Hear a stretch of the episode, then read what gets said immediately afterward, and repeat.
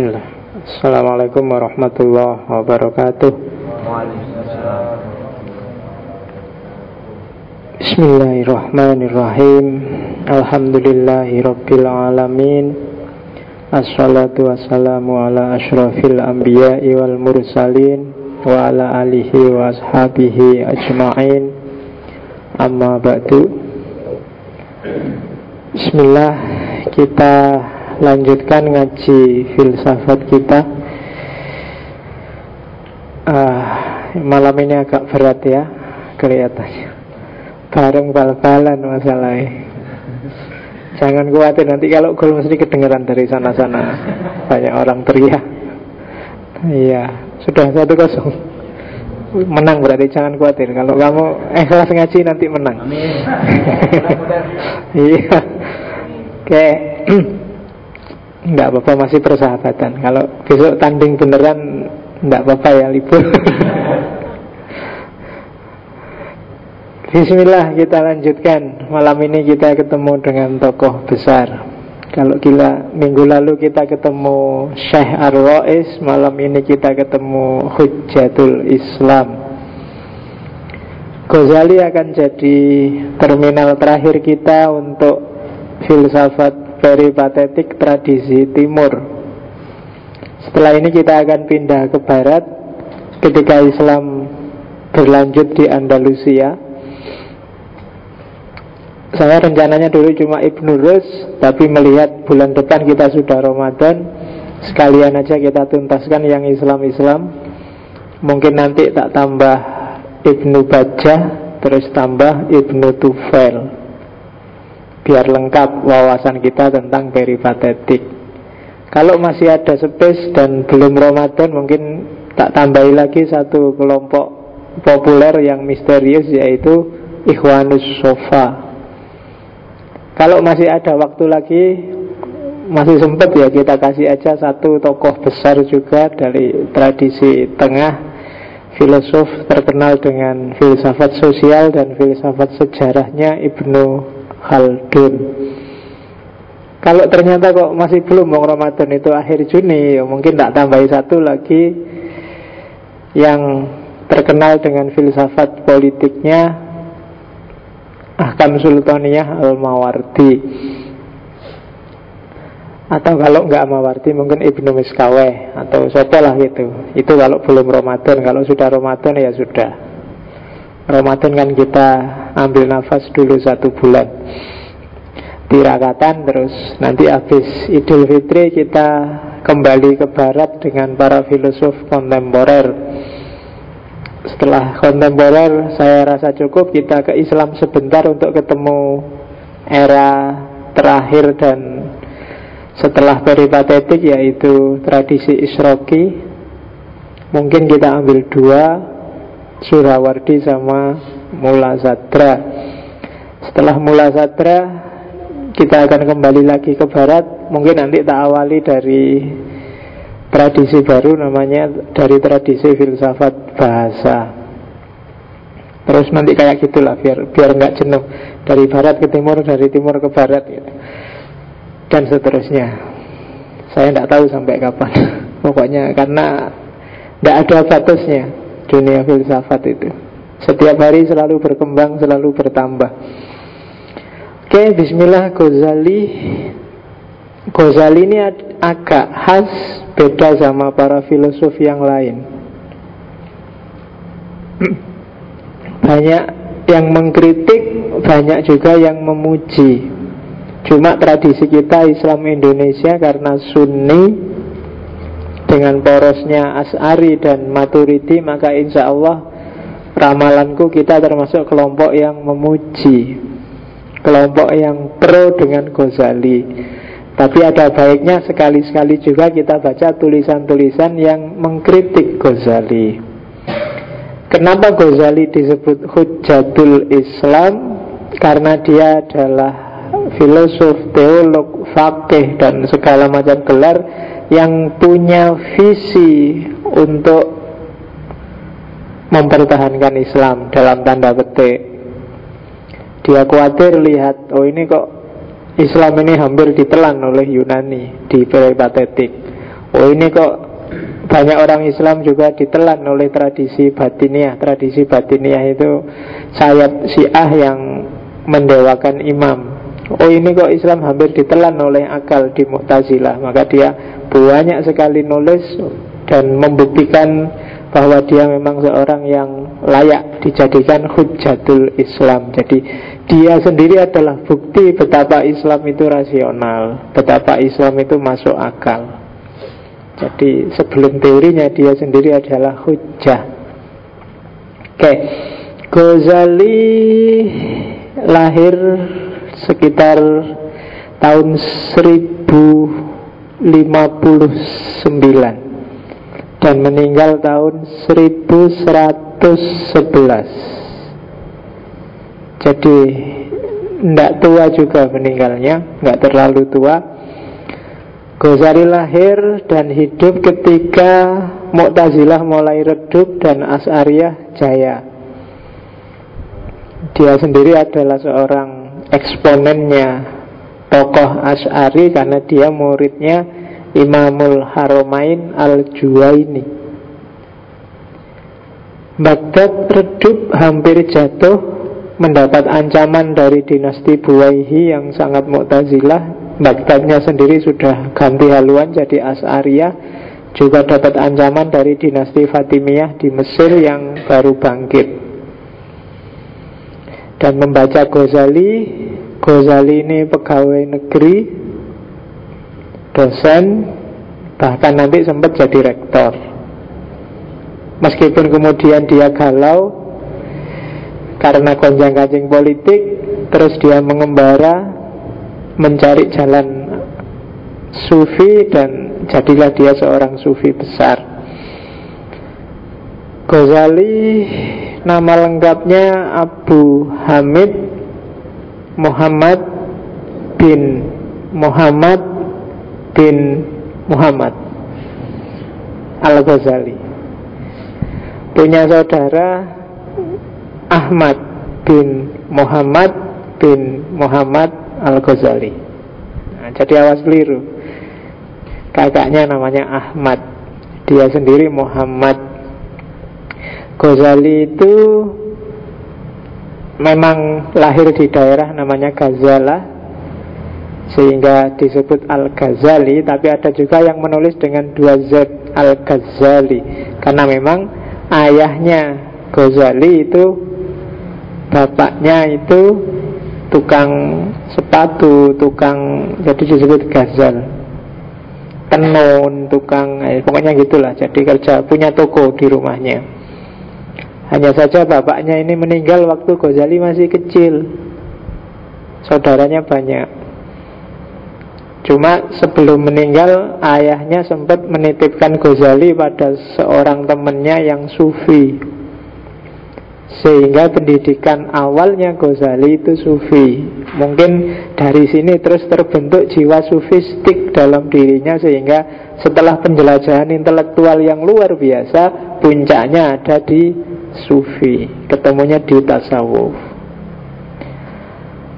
Ghazali umur 28 tahun dia sudah jadi dosen dan rektor di Nizamiyah atas rekomendasi Perdana Menteri saat itu Nizamul Mulk. 10 tahun dia di puncak karirnya Umur 38 dia diserang skeptisisme luar biasa Yang diawali banyak peristiwa Termasuk terbunuhnya Nizamul Mulk Dari situ kemudian sekitar 6 tahun dia mengembara. Di Mekah di Damaskus pokoknya melakukan uzlah melakukan perjalanan mencari kebenaran. Dan enam tahun ini orang susah nemuin dia sehingga ceritanya dia selama enam tahun ini ke mana aja jarang orang ngerti. Ya pokoknya ada yang bilang dia di Damaskus ada yang bilang dia dua tahun di Mekah dan Madinah. Pokoknya banyak tafsiran tapi yang jelas dia memang sengaja menghindar dari dunia melakukan riadoh. Dan ketika dia melakukan perjalanan uzlah inilah nanti lahir Ihya Ulumuddin. Setelah enam tahun dia kembali lagi ke Baghdad dan kembali lagi ngajar di Nizamiyah cuma tidak kayak dulu lagi. Di antara yang bikin dia galau, bikin dia diserang skeptis luar biasa itu ya saudaranya. Karena saudaranya yang Ahmad Ghazali ini memang sejak awal sudah menempuh jalan sufi.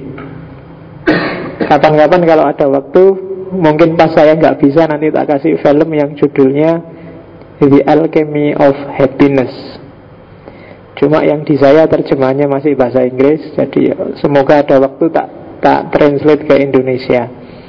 Dan nggak pakai Google karena nek pakai Google mesti rusak. The Alchemy of Happiness ini agak dokumentatif. Jadi ya cerita perjalanan Ghazali. Abu Hamid itu gelarnya Hamid itu anaknya yang meninggal waktu dia bayi. Sehingga dia digelari Abu Hamid Ghazali apalagi kalau di Alchemy of Happiness itu kelihatan bahwa satu ketika Ghazali ini di puncak kejayaannya itu semua orang kagum padanya karena dia menguasai sangat banyak ilmu menulis di hampir semua bidang keilmuan. Kalau ceramah tidak cuma di mimbar tapi di apa di temboknya kota sampai. Karena saking banyaknya jamaahnya biar jamaahnya bisa lihat dan dengar dia itu Ghazali. Dan ya karena gelombang popularitas yang luar biasa inilah maka dia merasa dirinya sendiri terancam. Cuma satu ketika adiknya eh, kakaknya datang terus lihat dia ceramah terus ngomong cuma satu kalimat aja. Cuma kalimatnya sindiran yang luar biasa pada Ghazali Yaitu Wahai batu asah. Sampai kapan kamu menajamkan semua peralatan, pedang, pisau dan macam-macam? Cuma kamu sendiri nggak jadi tajam. Oh itu sindiran luar biasa bagi Ghazali. Jadi kamu tiap hari ceramah Bikin orang pinter, bikin orang tercerahkan Posisimu itu kayak batu asah Kayak yang mengasah pisau, mengasah senjata. Cuma batu asah itu tidak tajam. Dia bisa menajamkan, cuma dia sendiri nggak tajam. Nah, Makanya hati-hati. Aku ngomong yang gini itu mungkin juga Tiap hari ngasih kamu ceramah, ngasih kamu kajian. Jangan-jangan aku sendiri nggak tajam Malah kamu yang jadi tajam. Dan disindir kayak gitu Ghazali galau luar biasa. Terus ada kasus macam-macam Termasuk politik terbunuhnya Nizamul Mulek Sampai dia kehilangan suara. Kemudian ngomong aja nggak keluar suaranya. Begitu naik mimbar dia cuma bisa ah oh ah oh Terus sakit berbulan-bulan nggak ada tabib yang bisa menyembuhkan. Akhirnya sama kakaknya dikasih nasihat kamu akan sembuh kalau keluar dari pusaran politik, pusaran kegalauanmu dan akhirnya dia pergilah uzlah mencari jalur kesufian. Dan dengan jalur kesufian itu ilmunya jadi lengkap. Tambah satu ilmu puncaknya yaitu tasawuf. Dan tidak lama setelah dia kembali ke Baghdad nanti dia kemudian meninggal sekitar dua tahun ngajar lagi terus meninggal tidak sampai tua. Oke, itu Ghazali. Di internet-internet gambarnya biasanya kayak gitu. Yaitu gambar. Rambutnya sampai budak tapi panjang. Kalau kamu yang merasa rambut depannya rontok, tidak apa-apa, yang belakang panjangin aja. Generasi kedua Ghazali, ah gitu. Oke, rambut itu sama budaknya. Oke, Bismillah kita lihat Yo teorinya tetap kayak kemarin Mala yudroku kuluhu La yudroku kuluhu Enaknya Ghazali Itu Ghazali ini Cara berpikirnya sederhana. Maka gampang sekali kamu. Kamu mengakses Ghazali itu gampang. Di antara kritikannya orang pada Ghazali adalah Pikiran-pikirannya Ghazali ini Arahnya selalu untuk orang biasa Untuk orang awam Bukan untuk orang elit. Sehingga lebih mudah dipahami daripada para filosof yang lain. Yang kedua ya karena kita akrab logika agamanya sangat kental kalau di Ghazali. Tidak seperti yang lain. Itu kelebihannya. Kelemahannya yo dia sering dituduh mematikan filsafat. Mematikan tradisi berpikir rasional. Nanti pelan-pelan kita lihat apa ia begitu. Kita awali dari keraguan-raguannya Ghazali dalam Al-Mungkit Minad Dolal. Ghazali yang ragu-ragu itu Ghazali yang sudah mateng. Yang di kepalanya sudah penuh ilmu macam-macam Baru dia ragu-ragu. Baru dia merasa ini di antara sekian banyak ilmuku ini mana sih yang benar yang sejati?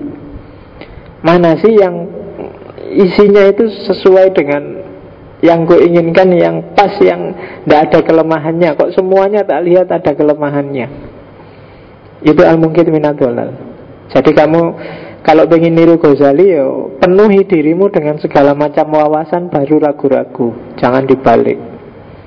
Kamu kan biasanya roto gaya tuh. Wah ini saya pencarian pak. Saya mencari apa? Kamu isi dulu sebanyak-banyaknya, baru kamu ragukan. Kalau nggak ada isinya, ya nggak ada yang kamu ragukan. Kan banyak kan yang itu. Saya mencari Mbak Lu, kamu nyari apa? Bekalmu untuk nyari itu apa? Nyari itu kan harus ada bekalnya. Dan itu persis dilakukan oleh Ghazali. Dia tidak akan ngeritik sesuatu sebelum dia mendalam. Gak mungkin dia ngomong sesuatu sebelum dia pernah nulis tentang sesuatu itu. Sebelum dia ngeritik filsafat Dia nulis makosidul falasifah Sebelum dia ngeritik batiniah Syiah Dia nulis tentang Syiah Itu kelebihannya Ghazali. Jadi dia merunut semua ilmu-ilmu Diawali dari panca indera. Katanya Ghazali Yang paling meyakinkan dari semua fakultas pengetahuan dalam diriku Itu panca indera. Aku lihat teh bisa tak pegang? Jelaskan ini tegas. Kamu nggak bisa bantah kalau tak bilang Ini loh ada segelas teh Rasanya manis Jelas juga. Tinggal dibuktikan.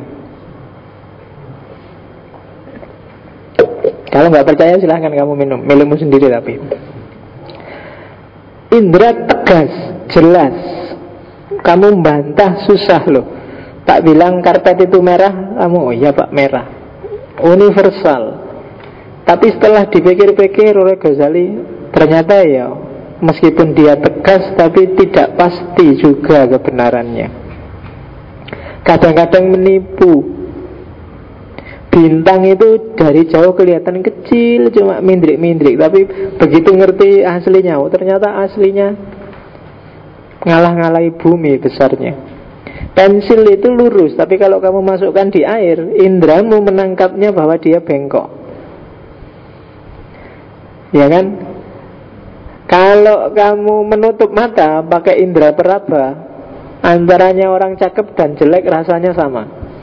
Podo-podo ada hidungnya, ada matanya, ada. Begitu melihat, Allah ternyata ketipu tuh indera perabaku. Bau juga begitu, baunya wangi begitu dilihat Allah Kayak gitu orangnya. Nah itu indera. Jadi seolah-olah ya tapi bisa tidak loh kalau indera itu. Suaranya merdu, kamu dengar sampai ngantuk Begitu ketemu orangnya kayak penyiar radio itu loh. Aduh, ternyata beda Indra maka katanya Ghazali ada yang lebih pasti daripada indera akal. Kamu lihat bintang tadi kecil, jauh, seolah-olah hanya sekepalan tangan. Tapi akalmu yang bilang oh, enggak Coba dipertimbangkan jaraknya Coba dipertimbangkan ruangnya Dipertimbangkan itu dia pasti lebih besar Akal. Tadi pensil yang masuk di air Kelihatan bengkok tapi kan kamu tetap nggak percaya kalau itu bengkok pedomannya apa? Akal. Gitu. Tadi kamu pakai tangan kamu raba wajahnya orang sama semua, tapi akal lo bilang nggak ada orang wajahnya sama persis itu. Mesti beda-beda, ada yang cakep, ada yang jelek. Begitu kamu dengar suaranya kok merdu ya, tetap akalmu yang bilang ya suara kan nggak jaminan wajahnya juga cakep. Akal yang bisa bilang kayak gitu. Jadi akal lebih pasti daripada indera. Jadi kalau kamu dihadapkan dengan dua pilihan, ada dua bukti kalau pakai logikanya Ghazali ini. Yang satu bukti empiris yang satu bukti rasional. Bukti rasional ini lebih kuat. Empiris itu bisa dibikin loh. Gampang bisa dimanipulasi. Yang penting kan kelihatannya bagaimana. Tapi akal yang nggak bisa ditipu.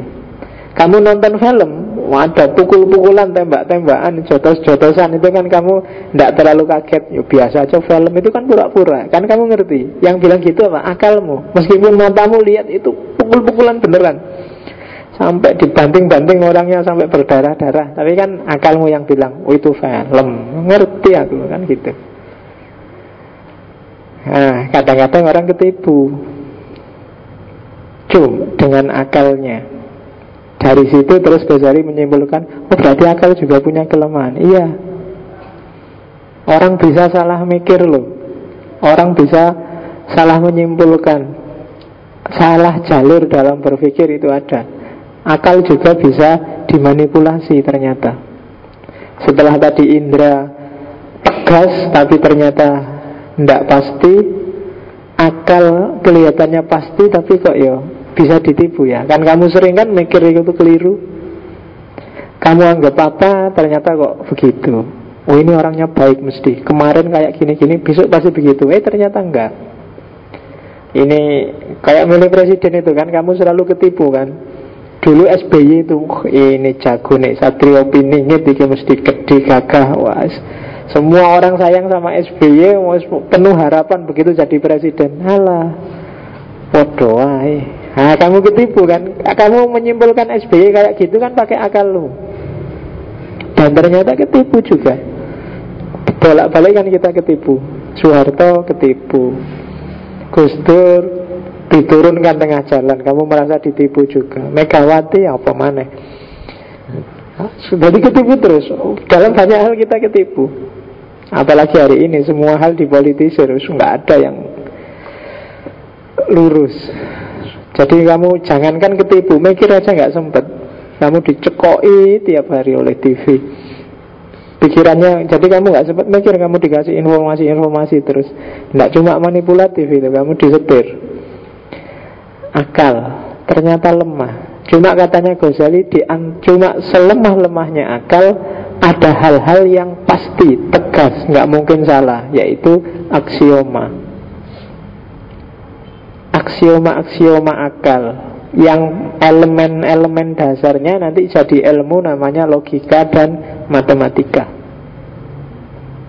Ini susah kamu cari salahnya. Akal bisa ketipu, mungkin dia salah paham, mungkin dia salah mengerti, tapi kalau aksioma tidak bisa. Karena dia hukum universal. Setengah itu lebih kecil dari satu. Itu aksioma sudah. Kamu jungkir balik tidak bisa pak. Segalanya itu tergantung konteksnya. Carilah kalau bisa setengah yang lebih besar dari satu. Tidak akan bisa. Itu aksioma. Satu tambah satu dua. Terus kamu boleh ngeyel Terserah kamu pakai teori apa. Tapi jelas kelihatan Satu tambah satu itu ya dua.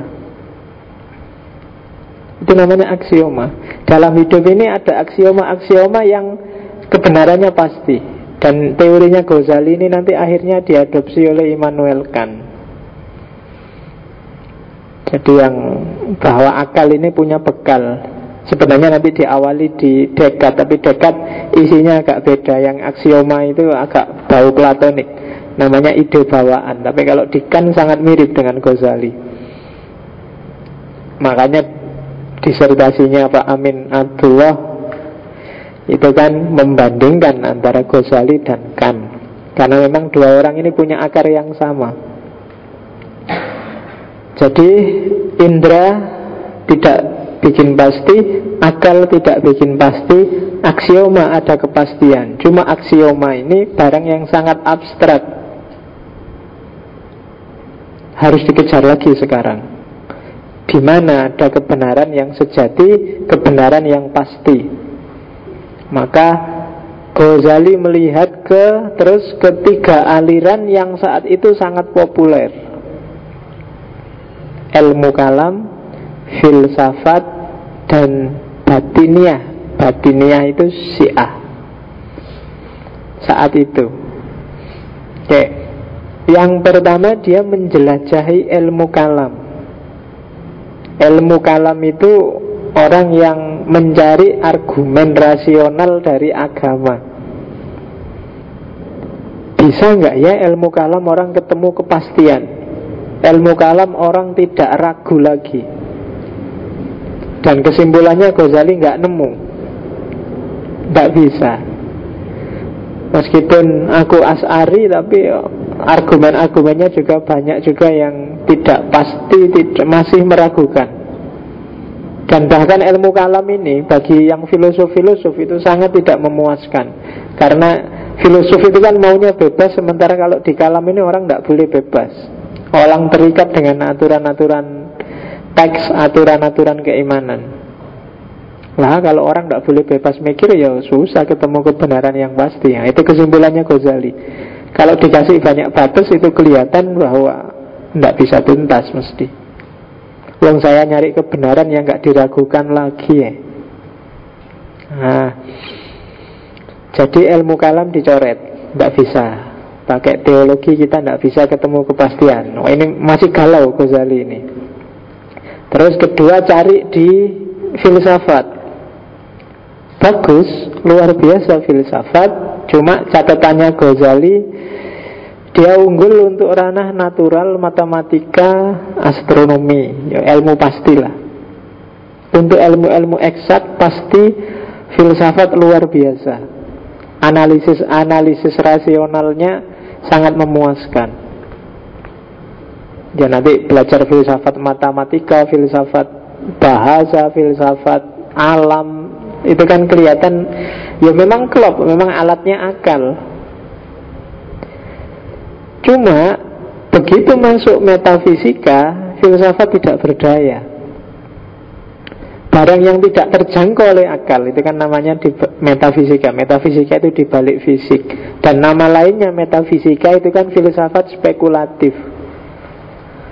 Dan begitu masuk filsafat spekulatif, begitu masuk metafisika, bagi Ghazali filsafat tidak memuaskan Isinya ngarang Kiro-kiro Itu yang Ghazali Lah kok gini akhirnya?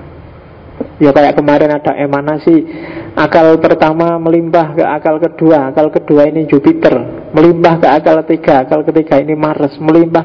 Kok ujuk-ujuk sampai ke sana? Spekulatif sifatnya. Jadi filsafat itu di level metafisika katanya Ghazali Metafisika memang puncak, penting Tapi ternyata filsafat tidak berdaya Buktinya ya Tidak ada jawaban tuntas. Beda sama filsafat alam Beda sama kosmologi Beda sama matematika. Maka filsafat dicoret sama Ghazali. Jangan salah loh ya Ketika Ghazali nyoret filsafat itu sebenarnya proses yang dilakukan Ghazali ini proses yang sangat filosofis. Iya gitu itu kerjaannya para filosof. Meskipun harus nyoret dirinya sendiri Kan tidak ada bidang ilmu yang menghancurkan dirinya sendiri Kecuali filsafat. Karena penghancuran itu sendiri Itu filosofis karakternya. Ngeritik dirinya sendiri itu hanya ada di filsafat. Tidak ada satu cabang ilmu pun yang berani menyalahkan dirinya sendiri.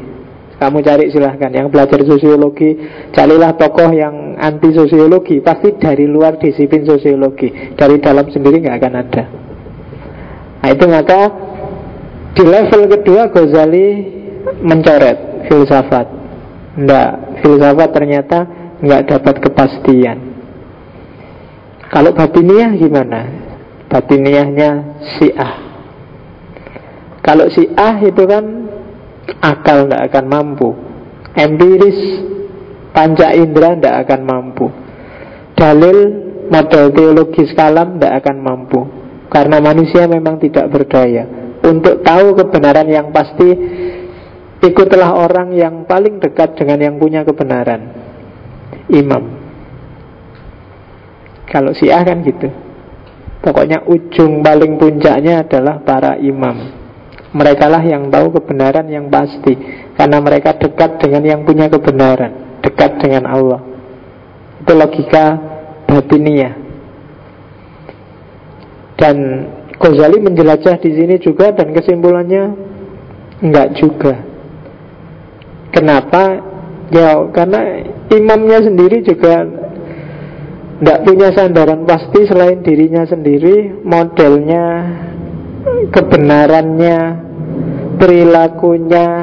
Ah, kalau di Ghazali tidak bisa dia jadi parameter kebenaran yang pasti yang tidak diragukan. Kalau dia ngalami dekat dengan Tuhan kan dia yang ngalami. Kita tidak ngerti, kita tidak bisa lihat. Tidak ada jaminan, nggak manipulatif. Kan gitu kalau secara rasional. Meskipun dia bilang Saya dapat wangsit dari anu. Lu kan kamu yang ngalami wangsit. Buktinya dapat wangsit mana? CCTV-nya mana, rekamannya mana? Enggak. Nah itu kan susah dibuktikan. Makanya katanya Ghazali boleh dipercaya ya kayak teologi boleh kamu percaya filsafat boleh kamu jalani termasuk yang model si ah ini. Tapi katanya Ghazali tidak membawa kepastian. Aku pingin yang pasti gitu loh yang tidak ada celah untuk disalahkan. Dan akhirnya penjelajahannya Ghazali terhenti di tasawuf.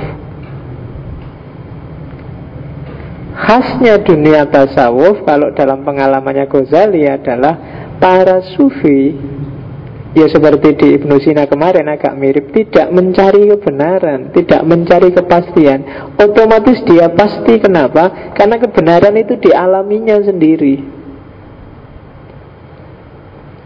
Panca indera itu kan keluar Melihat keluar. Akal juga nyari objek Tapi orang sufi itu kebenaran itu dialami. Secara langsung Kebenaran dialami itu Kebenaran yang kalau dalam filsafat epistemologi namanya kebenarannya intuitif, dirasakan sendiri secara langsung. Yang nanti oleh Ghazali disebut zaukiyah. Yang puncaknya adalah kasfiyah, terbukanya semua hakikat kebenaran. Tapi jalannya karena dialami. Kalau bahasanya Ibnu Sina kemarin kan tahakkuk dialami. Dialami itu kayak kamu tak ceritain seperti apa manisnya teh ini kamu mesti masih ragu. Masa sih masa? Dan seterusnya. Untuk bisa ngerti gimana manisnya teh gampang. Kamu minum aja. Kamu alami teh ini dan kamu sudah dapat pengetahuan bahwa teh ini manis. Dan nggak bisa dibantah sudah. Mau ngalami sendiri kok. Kan gitu. Itulah nanti yang di Ghazali disebut ilmu laduni yang dikembangkan oleh Suhrawardi jadi ilmu huduri. Jadi ilmu yang antara subjek pengetahuan dengan objek pengetahuannya jadi satu. Yang mengetahui aku dan caraku untuk tahu objeknya ya aku sendiri. Untuk ngerti teh ini manis kan ya lihat aku sendiri wong aku sendiri sing minum. Kan gitu. Namanya pengetahuan suah objek. Jadi suwa objek itu kan kayak suwa daya itu loh Dayanya sendiri Suwa objek, objeknya ya dirinya sendiri Jadi antara aku yang tahu dengan yang diketahui jadi satu Dan ini kekuatannya jauh lebih tinggi daripada lawannya Pengetahuan yang dicari di luar dirinya manusia Makanya kan para sufi itu tak cari Tuhan di mana-mana nggak ada, ketemunya di dalam. Dialami langsung maksudnya. Ya bukan di dalam terus ada di dalam terus kamu ronsen. Oh, tak ronsen nyari Tuhan dia ya tidak ketemu. Maksudnya di dalam itu dia alami langsung Tuhan. Dalam batinmu maka kamu akan ketemu. Bukan dengan baca kitab. Bukan dengan difilsafati dispekulasi. Bukan dengan nyari dalil dalam Quran dalam tidak akan ketemu kepastian. Dalil itu melahirkan seribu satu tafsir. Filsafat melahirkan spekulasi Percaya pada orang hanya melahirkan taklid yang nggak jelas. Maka alami sendiri kebenaran. Nah itu derajat pengetahuannya katanya Ghazali jauh lebih tinggi. Kamu nulis misalnya tentang bagaimana pacaran itu mengganggu kuliah misalnya tapi kamu tidak pernah pacaran atau hanya baca referensi buku tentang pacaran? Levelmu lebih rendah dibandingkan dia yang nulis hal yang sama Tapi dia sudah mengalami sendiri bagaimana susahnya dia kuliah sambil pacaran. Itu kan levelnya kan beda. Kuliah sambil kerja Gimana rasanya? Hanya dia yang alami yang ngerti. Kamu yang lihat dari luar mungkin ngerti Tapi level pengetahuannya di bawah Dan pengetahuan jenis ini ditemukan Ghazali di tasawuf. Maka puncak epistemologinya Ghazali Kalau di Al-Mungkit Minadolal itu ketemunya tasawuf. Jadi berangkat dari pertanyaan tadi Empiris. Dari empiris naik ke akal Terus masuk model dalil ala ilmu kalam, teologi. Naik model rasional ala filsafat. Naik model otoritas ala batini. Dan puncaknya ternyata yang benar model intuitif ala sufi. Itu pengembaraan intelektualnya Ghazali dalam rangka nyari obat kegalauannya dia Nah, ini kan ilmu yang luar biasa Menjelajah seperti ini Kalau modalnya nggak kuat juga agak susah. Jadi ya pelan-pelan Diturut dari dasar Sampai di puncak dan ketemu. Dan Mungkin masih banyak kelemahannya Tapi momen ketemu itu Setiap orang harus nyari sendiri-sendiri Mana yang kepastian menurut dirinya. Itu sebenarnya yang disebut tanggung jawab intelektual Kalian kan termasuk kelompok elit intelektual Harus juga punya kesadaran Seperti ini. Biar nggak kayak kritiknya Gramsci itu loh Jadi intelektual tradisional Bukan intelektual organik. Intelektual tradisional itu diceramai ya mana tapi besok diceramahkan ulang ke yang lain. Tidak ada perkembangan. Kamu tidak terlibat.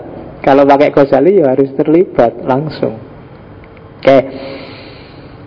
Nah kita pelan-pelan masuk lagi Terus ketemu sekarang kebenarannya. Sekarang menjelajahi secara lebih dalam setiap ilmu.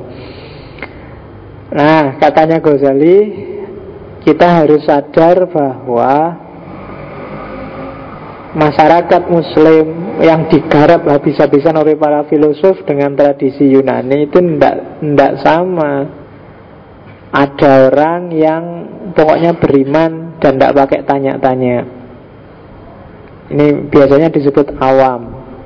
Ada orang yang beriman dan berusaha cari dalilnya. Dan ada orang yang beriman dan berusaha menyelami sendiri keimanannya. Menyelami dan mengalami. Itu bedanya Teman-teman hari ini ngaji itu mungkin level kedua. Sudah beriman dulu dan nyari dasar-dasar dari keimanannya rasional Mungkin lewat ngaji filsafat, mungkin lewat ngaji hadis, mungkin lewat ngaji itu kan ngaji itu kan indikasinya kamu cari dasar rasional, nggak cuma iman terus manut. Tapi ada yang lebih dahsyat dari itu yaitu level ketiga. Jadi kamu mengalami langsung kayak penjelajahannya Ghazali tadi. Dan ilmu yang dialami langsung itu biasanya susah hilangnya. Kan sering tak bilang, kenapa sih kok kamu sering baca buku tapi habis baca terus lupa, hilang, tidak ada sisanya.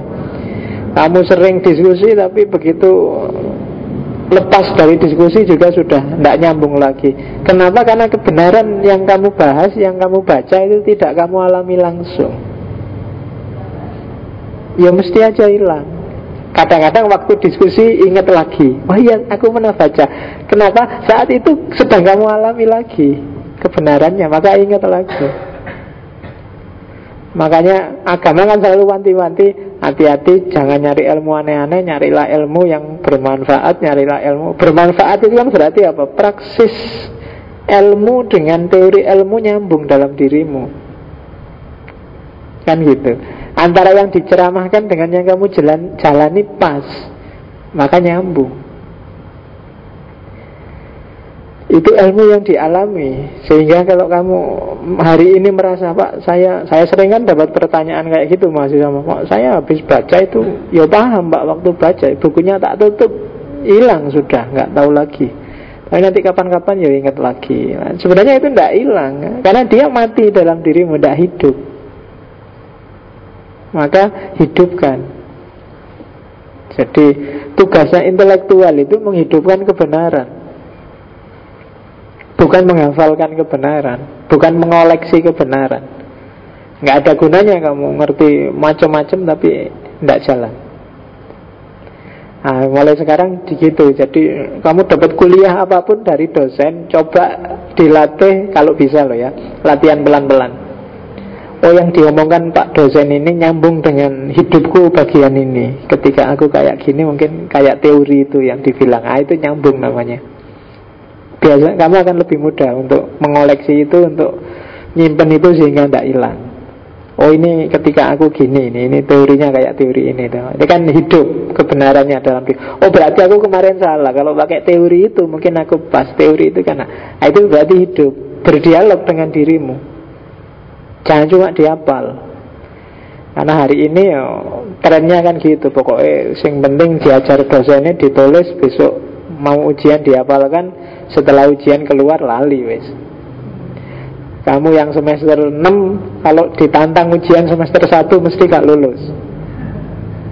Harusnya semester 6 itu wis apa semester 1 Sepele Tapi kan mesti gak lulus. Kenapa? Ya karena wis lali Catatannya juga sudah hilang. Karena dulu cuma ngopi. Ngopinya kecil-kecil lagi Waktu ujian ditaruh di bawahnya.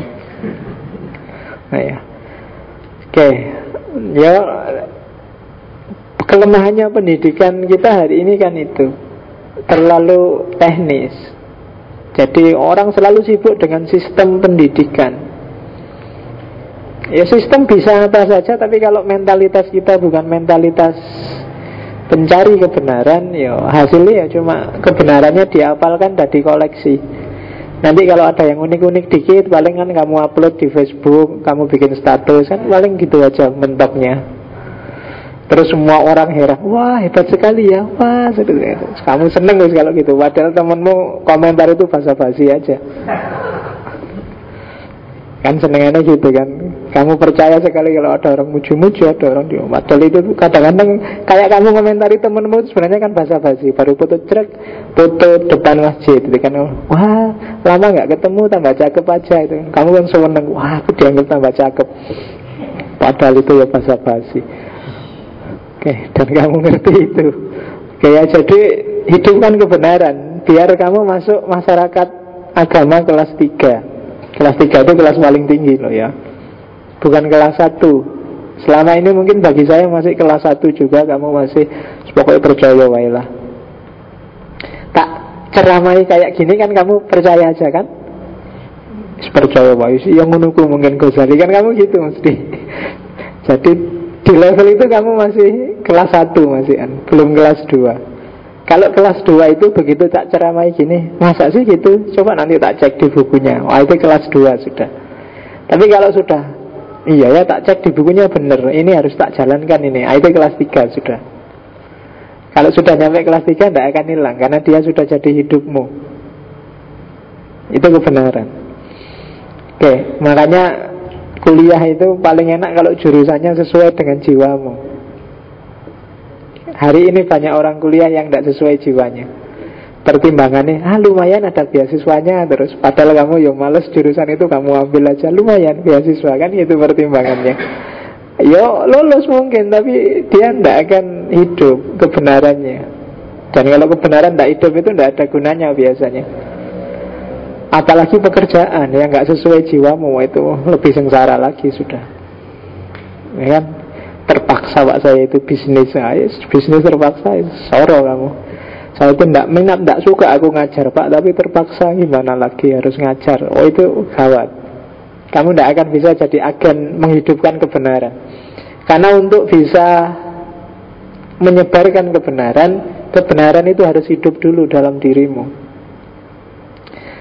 nggak ada gunanya kamu ngasih tahu nasihatin orang macam-macam kamu sendiri nggak kayak gitu nggak nyambung sama jiwamu. Tuh nasihatnya Ghazali banyak yang kayak gitu. Oke nah ini yang khas dari Ghazali. Ini tak ambil dari Iljamul Awam an Ilmil Kalam. Katanya Ghazali sering-sering kamu ngaca diri sering-sering introspeksi kalau ketemunya dirimu itu awam Lakukan lima hal itu Satu, dua, tiga, empat, lima. Awam itu berarti Bukan bidangku Bukan wilayahku Bukan nah itu, Itu berarti kamu awam. Kamu mungkin ahli di teknik tapi awam di kedokteran. Ahli itu kan awam namanya. Kalau contohnya Ghazali ini itu sebenarnya ilmu kalam. Jadi tidak harus semua orang ngerti filsafat, tidak harus semua orang ngerti ilmu kalam, nggak harus semua orang ngerti kedokteran, nggak harus semua orang ahli matematika. Jadi dibandingkan gimana caranya jadi profesional, kalau Ghazali malah ngajar gimana caranya jadi awam. Oh, itu kan antitesisnya Barat. Barat itu selama ini mendengung-dengungkan kamu harus profesional. Tapi kalau Ghazali, ayo jadi orang awam yang baik. Oh itu nggak sembarangan. Jadi awam pun harus belajar. Kenapa banyak chaos hari ini? Karena orang awamnya nggak sadar kalau dia awam. Setiap orang komentar tentang politik kah, tentang kesehatan kah, tentang kamu ngomong aja semuanya. Tidak ngerti batasmu, itu malah bikin chaos. Kalau Ghazali teorinya kebalikannya. Ayo sadar kapan kita jadi awam. Ya meskipun kalau kamu merasa dirimu Saya nggak awam pak karena saya sarjana Oh iya berarti hidupkan itu Tapi bagi yang awam Nah itu lima. Yang pertama taktis Kalau agama taktis itu menyucikan diri Pasrahkan semua pada Allah. Kalau yang non agama berarti ya Sucikan diri Pasrahkan pada ahlinya. Ahlinya yang lebih tahu. Nah, jadi kita nggak usah cawe-cawe. Hari ini kan kamu Jokowi kamu komentari, Prabowo kamu komentari, kasus JIS kamu komentari, apa kamu komentari. Semua hal kamu komentari. Nah, ini yang bikin kacau, bikin rusak. Jadi orang dianggap ngerti segalanya. Saya pernah kejebak sekali di wawancara TV. Metro TV nyari yang ngerti filsafat. Terus ada yang rekomendasi aku di wawancara tak Aku ini wawancara apa Thomas? Anu Pak, pokoknya kita cari yang ngerti filsafat. Tak pikir wawancara filsafat. Begitu ngomong wawancara, gimana pendapatnya Pak Faiz tentang Nyai Roro Kidul? Aduh. Cari filsafat ujung-ujung takut Nyai Roro Kidul. Live, berarti aku iki tak jawab ya, nggak tak jawab ya. Nah, aku ngarang ya iso wae, cuma kan bukan bidangku. Akhirnya terpaksa aku ngomong tentang mitologi, mitologisasi, demitologi dan seterusnya. Nggak ono nyairologi dulu ya, pokoknya mentalitas orang yang memitoskan sesuatu. Contoh yang dimitoskan nyairologi dulu. Daripada aku nggak ngerti terus ngarang-ngarang nyairologi dulu adalah ciloko. Karena memang bukan ahlinya. Nah, kalau mitologi, mitologisasi, demitologi aku ngerti. Jadi aku ngomongnya ke situ, biar yang lain yang jawab nyairologi dulu. Pertanyaan selanjutnya lebih dahsyat. Gimana menurut Pak Faiz tentang Siti Jenar? Habisnya kira gitu. Sekarang ketemu Siti Jenar, judik nah gue, bukan bidangku. Mbok tadi nyari oh ahli kejawen apa sopo lah gitu. Pak Herman Sindung apa sopo lah ya. Siti Jenar tanya aku. Tanya Plato, Aristoteles, takono Sartre tak jawab. Saya Siti Jenar, ya aku ngerti, cuma nih aku ngomong lah, ketawa semua orang. Kamu harus ngerti batas. Hari ini kan orang itu kadang-kadang yang penting terkenal apa wae ya wis, dikon diskusi apa wae ya wis bisa. Nah, enggak. Harus taktis. Yang kedua, al-iman wa tasdik. Percaya dan membenarkan. Tidak usah cerewet kalau memang bukan bidangnya. Kalau kamu urusan kesehatan lebih ngerti dokter Maka kalau kamu berobat ya harus iman watasdik Kalau dokternya bilang gitu ya gitu. Nggak usah diajak diskusi. Ya Sebentar dokter saya nggak ngerti dalilnya ini kok. Bisa sampean bilang enggak. Wong kamu bukan ahlinya kok ngajak debat. Urusan teknik juga begitu. Urusan listrik ya serahkan ahli listrik. Terhadap ahli listrik kita iman watasdik Terus yang ketiga Al-iktiraf bil ajsi Mengakui kelemahan diri Oh iya ya. Aku itu tidak paham ya kalau bidang itu. Aku itu tidak ngerti kalau wilayah itu. Itu namanya Al-iktiraf bil ajsi Mengakui kelemahan. Jangan sok, jangan kemenyek Kalau bahasa Jawa Timurnya. Nggak ngerti ya diakui aja nggak ngerti. Itu al-iktiraf bil aji. Akuilah bahwa di bidang itu kamu tidak ngerti, kamu lemah. Kadang-kadang kan ada orang tidak ngerti aja bisa sombong. Ah, aku kalau belajar itu dua minggu tak kuasai langsung. Oh, ya berarti dua minggu lagi sekarang ya tidak ngerti apa-apa masih kan. Gitu aja yang tidak ngerti aja bisa sombong kan.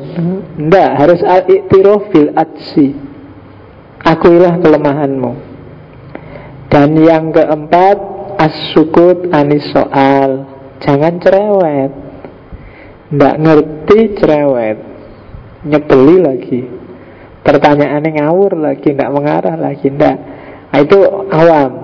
Dan yang terakhir al-imsak menahan diri. Kalau kalau kalam ya antasaruf fil alfat.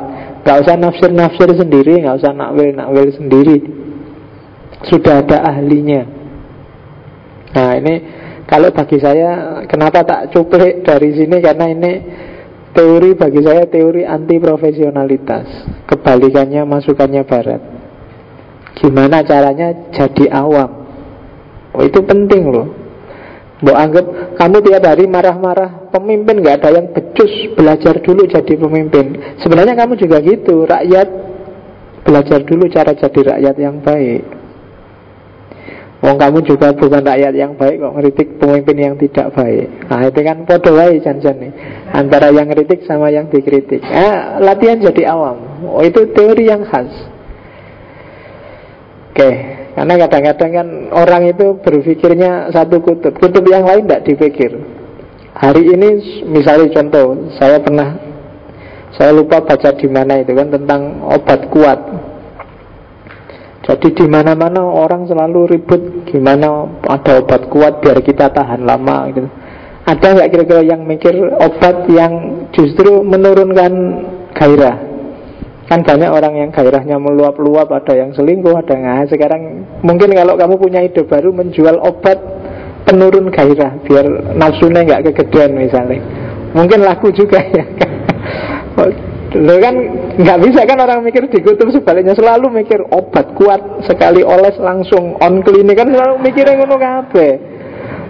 Lah itu kan bagi orang yang sedang lemah. Lah kayak gini anak-anak muda nafsunya dur tidak ada sasarannya kan Kok ditawari obat kuat? Ya harusnya obat yang agak Melemeskan sementara lah untuk Biar nggak ganas-ganas banget. Nah itu mungkin coba aja.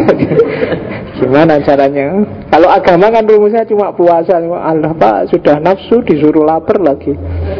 Malah sengsara. Wis, Wah mungkin kamu herbal untuk menurunkan hasrat. Wah itu kalau ada kayak gitu bagus itu namanya mikir kebalikannya. Ghazali yang mikir wali aneh oh, Kabeh kok mikir profesionalitas. Lah gimana? Nggak, nggak banyak orang pinter untuk jadi awam. Nah, Maka terus dia nulis Iljamul awam. Gimana caranya mengendalikan orang awam? Oke, mulai masuk ke filsafat Ya dimulai dari ilmu. Tadi kan epistemologinya sudah Dari al-mungkin minat dolal. Bagi Ghazali Nah ini pelan-pelan dilihat Alam semesta ini Realitasnya adalah empat dimensi. Bukan tiga dimensi Tapi empat. Dimensi pertama adalah dunia fisik alamul mulki wasyahadah dimensi fisik yang kelihatan bisa diakses oleh panca indramu. Itu dimensi pertama. Alatnya sederhana alat paling primer adalah panca indera akal itu membantu mengkonstruksi hasil persepsi dari panca indera. Ini untuk alamul mulki wasyahada. Di atas itu ada realitas dimensi kedua yaitu yang disebut alam jabarut. Alam mental. Alam emosi. Nanti kalau di Sufi-sufi kadang-kadang yaitu alam bangsanya jin, bangsanya itu ada di alam Jabarut. Ya bahasa sininya dunia mental. Kalau sekali-sekali baca Abduh misalnya ya Jin itu sebenarnya daya Malaikat itu daya Jin itu Jin itu virus Bakteri Itu sebenarnya masuk kelompoknya jin Kalau coba dibaca Abduh itu Karena dia kan banyak terpengaruh Rasionalitas Sain yang baru Maka dia ingin menafsirkan Al-Quran yang di Al-Manar itu yang sesuai dengan Sain Maka dia menafsirkan ya Jin itu sebenarnya virus Dan bakteri-bakteri. Jadi kalau kamu sedang flu Berarti ada bakteri masuk dalam tubuhmu Itu sama dengan kamu sedang kesurupan jin. Itu kalau pakai bahasanya Abdul Jadi kalau sedang. Kok kamu flu pilek? Ya ini baru kesurupan nih. Nah, Harus dirupiah itu biar jinnya keluar. Rupiahnya pakai paramek dan pakai neosep Oke Alam itu alam Jabarut. Yang panca indera nggak bisa ngakses. Dunia mental. Karena kan panca indera itu terbatas. Peraba itu hanya hanya untuk permukaan selevel apa. Kemudian mata itu sekian head di atasnya dikit nggak bisa kelihatan. Kalau kamu nggak latihan nggak akan bisa. Misalnya aura. Aura itu sebenarnya level gelombangnya di atasnya level gelombang yang dijangkau matamu sedikit. Kalau kamu agak serius latihan mungkin cepat untuk lihat aura. Cuma kamu nggak terlatih maka nggak bisa. Ya kayak suara itu loh. Suara itu kan di atas gelombang dikit kamu nggak bisa dengar. Nah itu alam jabarut. Ada dunia dimensi ketiga yaitu alamul amri wal malakut.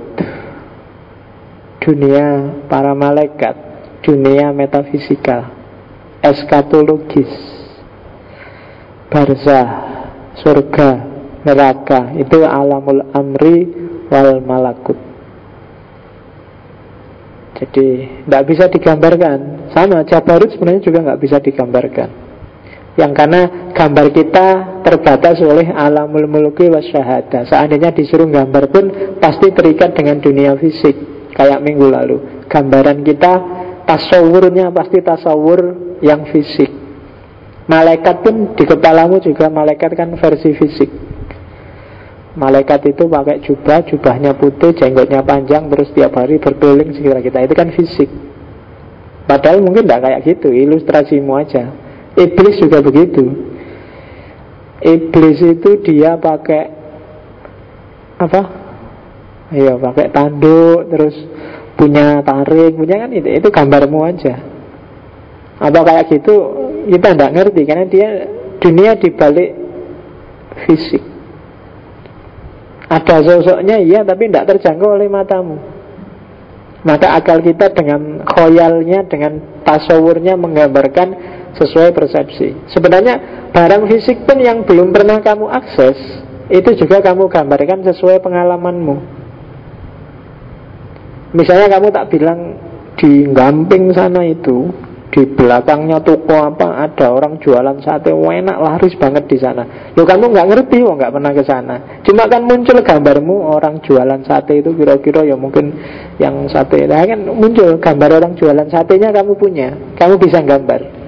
Tapi aslinya kamu nggak ngerti maka kamu ngarang. Jadi kalau ada yang bilang alam goib itu enggak. Alam goib itu yang kamu nggak ngerti itu goib Ayo kita jalan-jalan ke alam goib. Itu berarti jalan-jalan ke tempat yang kamu belum pernah ke sana. Iya, karena begitu kamu pernah lihat Ya dia nggak goib lagi. Meskipun itu jin Kok kamu bisa lihat? Itu berarti dia nggak goib. Namanya goib itu ya nggak ada. Kamu nggak bisa akses. Kok bisa lihat? Sudah nggak goib lagi berarti. Kan gitu. Jadi kamu misalnya belum pernah ke Jakarta Jakarta itu goib bagimu. Informasinya belum pas kamu hanya tahu katanya. Mekah itu mungkin bagi kamu hari ini Mekah itu barang gaib. Kamu nggak pernah lihat aslinya. Hanya dikasih tahu. Dan puncaknya alam Realitas empat dimensi adalah alam lahud Al-Hadroh Al-Rububiyah Ketuhanan. Kalau kalau Asarian kan Ares alam yang ya apalagi yang atas kita tidak akan bisa menjangkau. Hanya nafas yang mutmainah yang nanti nyampe sana. Nafas kita masih belum belum level. Yang Jabarut aja ya belum nyampe. Apalagi yang Malakut Apalagi yang Lahut. Jadi ada empat dimensi alam. Dan jangan dibayangkan ini Naik ke atas loh ya Alam-alam ini Ini cuma dimensi. Dimensi itu kan kayak ini ya kan. Ada dimensi apanya ada di barangnya ya cuma ini cuma banyak dimensinya. Ada kacanya ada airnya ada tutupnya. Itu kan namanya dimensi-dimensi.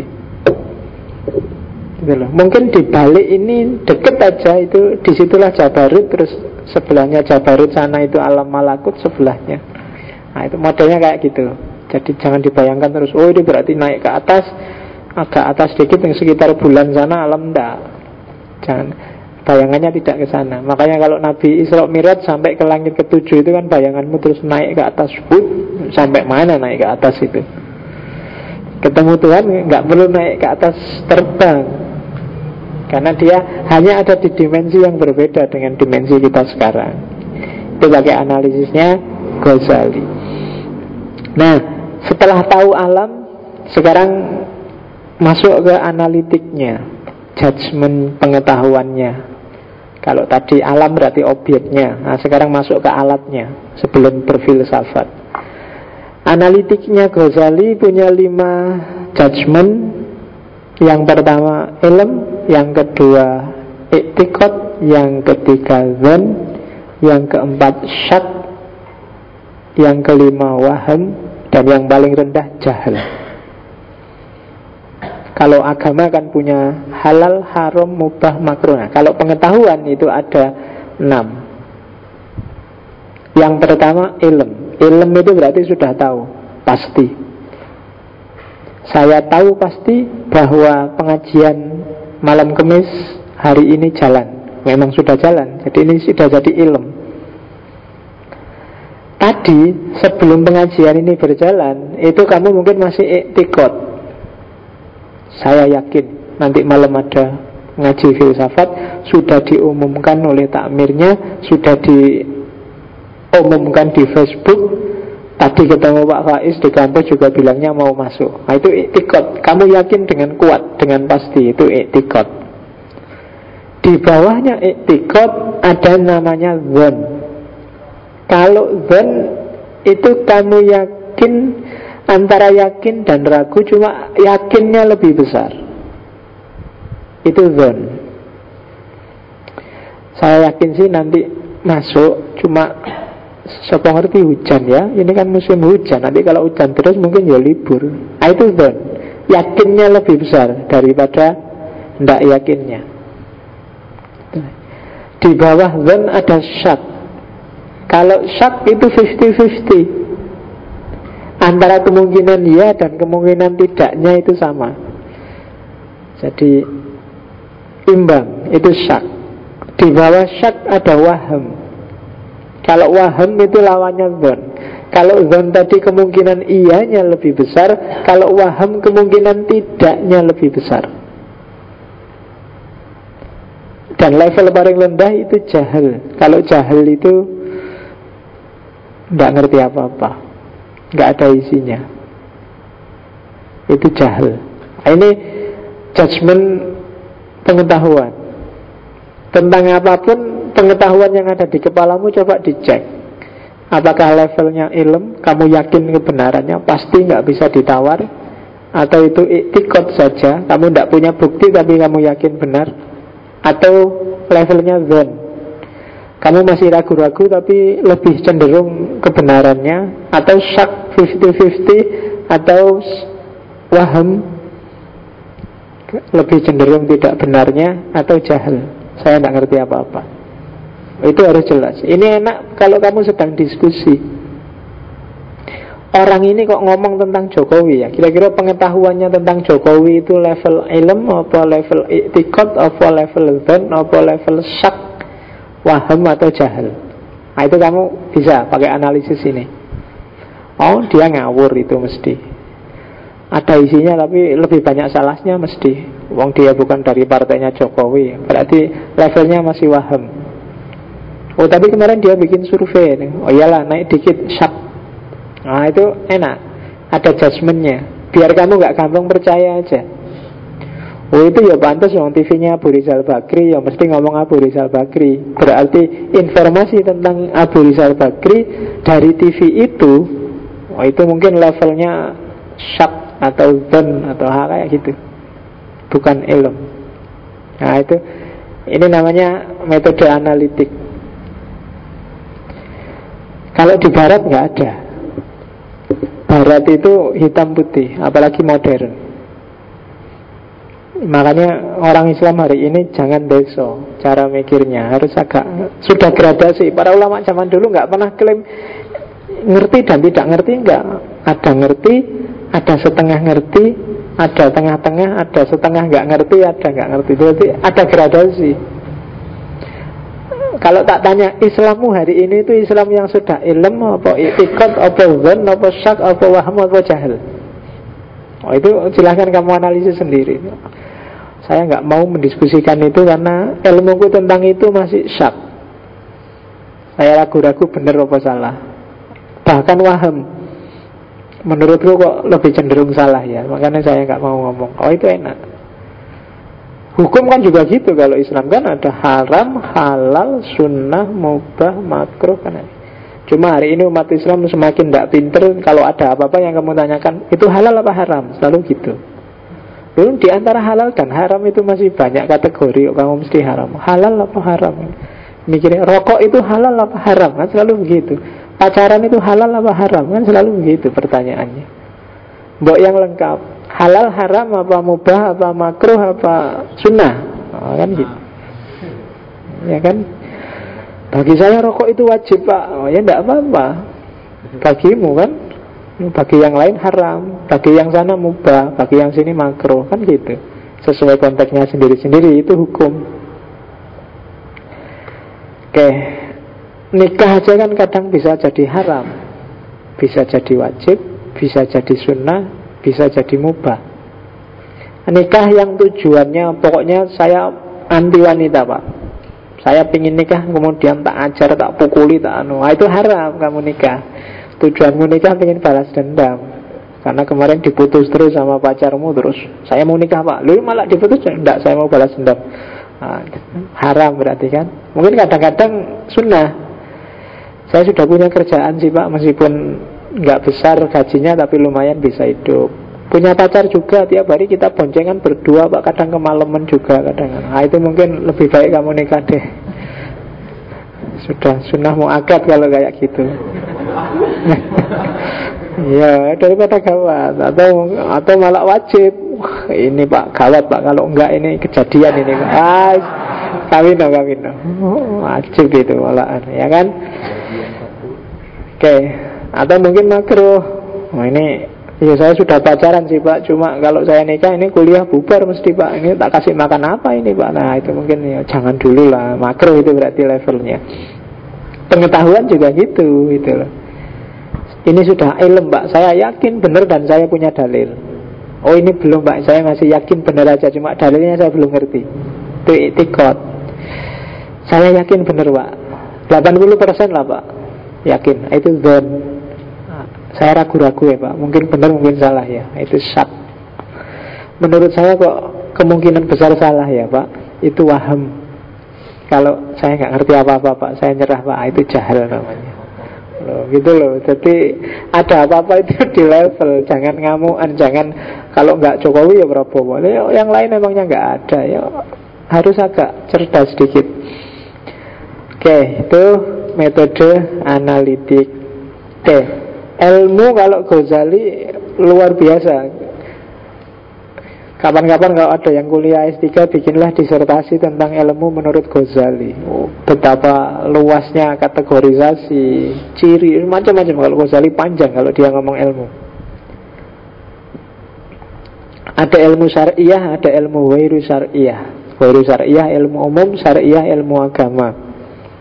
Syariah itu ada usul, ada furu, ada muqaddamat, ada mutammimat. Usulnya ada ilmu Quran, sunnah, ijma, dan asar sahabah Itu ilmu dasar Setiap muslim harus ngerti Quran, ngerti hadis, ngerti sunnah Ngerti ijma, ngerti asar Ada furuk, furuk ini pendukungnya. Ya, misalnya seperti fikih, kalam dan lain sebagainya itu furuk. Ada ilmu yang mukodamat, ilmu pengantar.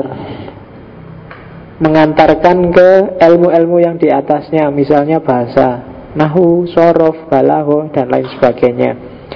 Ada ilmu mutamimat, ilmu penyempurna, misalnya ilmu kiroah, ilmu musik, ilmu dan sebagainya.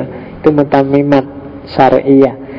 Yang wairu syariah yo semua ilmu yang di luar ilmu agama. Ada ilmu doruri, ada ilmu iktisabi, ada ilmu laduni. Laduni nggak perlu tak jelaskan, tadi sudah tak singgung sedikit. Kalau ilmu doruri itu ilmu yang jelas dengan sendirinya, tidak usah dikejar. Kalau malam itu dingin, kalau siang itu panas, kalau pagi itu sejuk, itu kan Daruri itu Kamu nggak perlu kuliah sampai level berapa untuk ngerti itu. Anak TK aja ngerti. Ilmu daruri. Kenapa ya ini kok Perutku kerucuk-kerucuk ini ya? Ini mungkin Wah ini harus diteliti pakai filsafat. Tidak usah itu daruri. Kamu lapar. Sederhana. Tidak perlu jelimet-jelimet. Gak harus semua levelnya filsafat. Gak harus filsafat air teh filsafat, laptop filsafat, tidak usah banyak yang daruri itu. Sudah otomatis. Kenapa ya Pak suaraku agak serak ini, tenggorokanku agak ini. Ini mungkin ada wah aksioma aksioma ada enggak, enggak usah itu kamu namanya haus. Minum aja selesai. Daruri otomatis nggak usah mikir nggak usah kuliah nggak usah sekolah tentang itu ada yang iktisabi. Kalau iktisabi harus belajar Harus dikejar. Harus dicari dalilnya Dicari dasarnya. Dan laduni Kalau laduni nggak usah dikejar Siapkan aja dirimu agar layak menerima Pancaran dari atas. Itu laduni. Jadi ada yang tidak perlu kamu kejar Karena dia otomatis dapat. Ada yang harus kamu kejar ada yang kamu siap-siap aja siapa tahu dikasih. Itu jenisnya ilmu.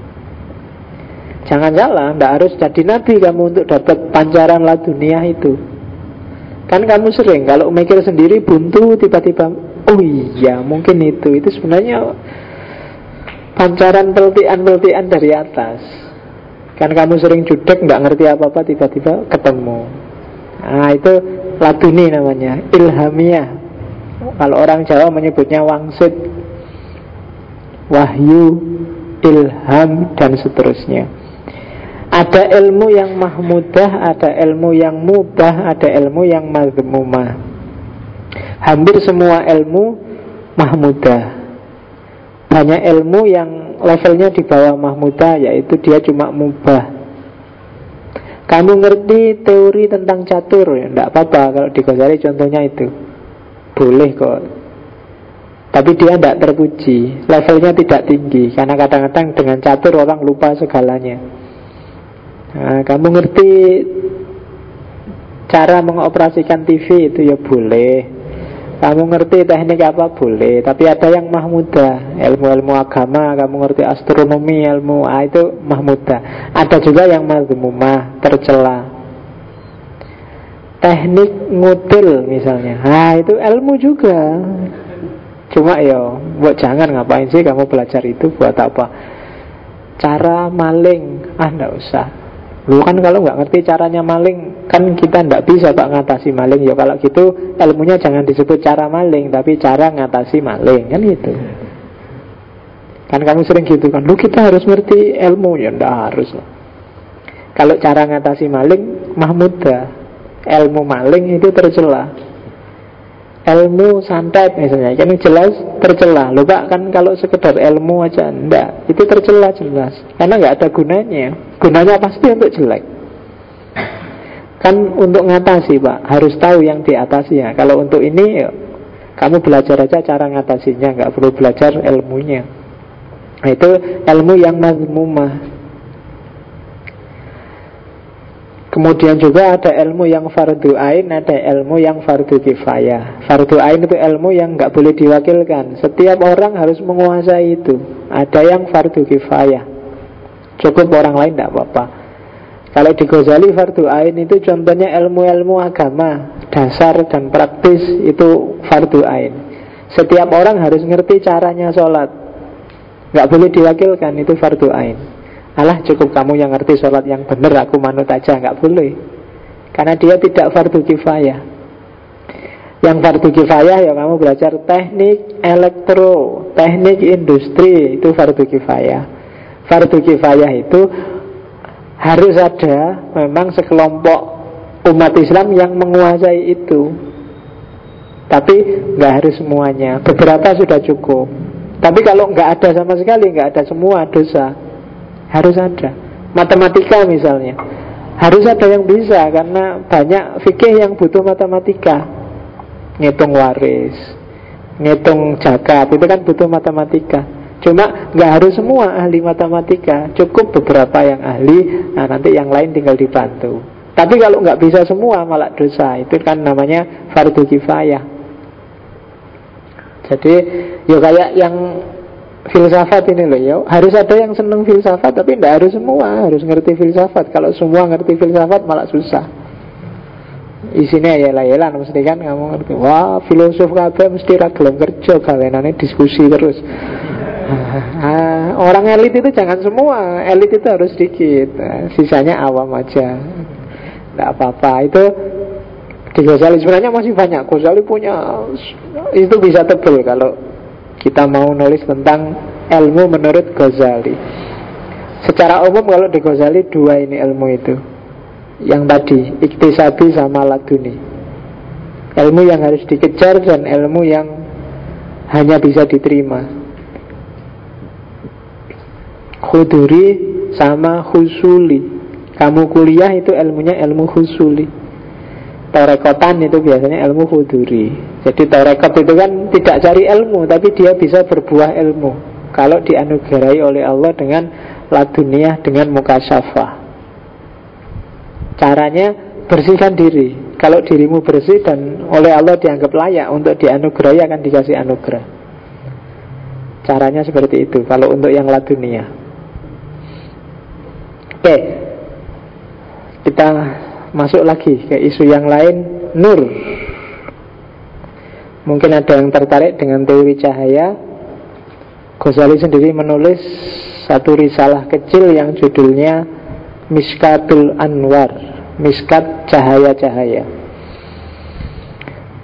Nanti kalau mungkin setelah kita ngomong ini masuk ke Isroki di situ nanti kita akan ketemu Suhrawardi dengan teori cahaya yang lebih detail. Nanti kalau waktunya agak panjang mungkin kita masuk juga ke Al-Halaj dan Ibnu Arabi untuk untuk bisa melihat seperti apa teori nur. Jadi nur itu juga ada levelnya. Ada level nur menurut orang awam, nur menurut khawas, orang khusus dan nur menurut khawasul khawas. Jadi cahaya itu ya kalau bagi orang awam cahaya itu sifatnya fisik seperti yang kelihatan. Medianya indera. Kalau ada orang ngomong cahaya kan orang cahaya itu ya kalau ada senter di senter ya itulah cahaya.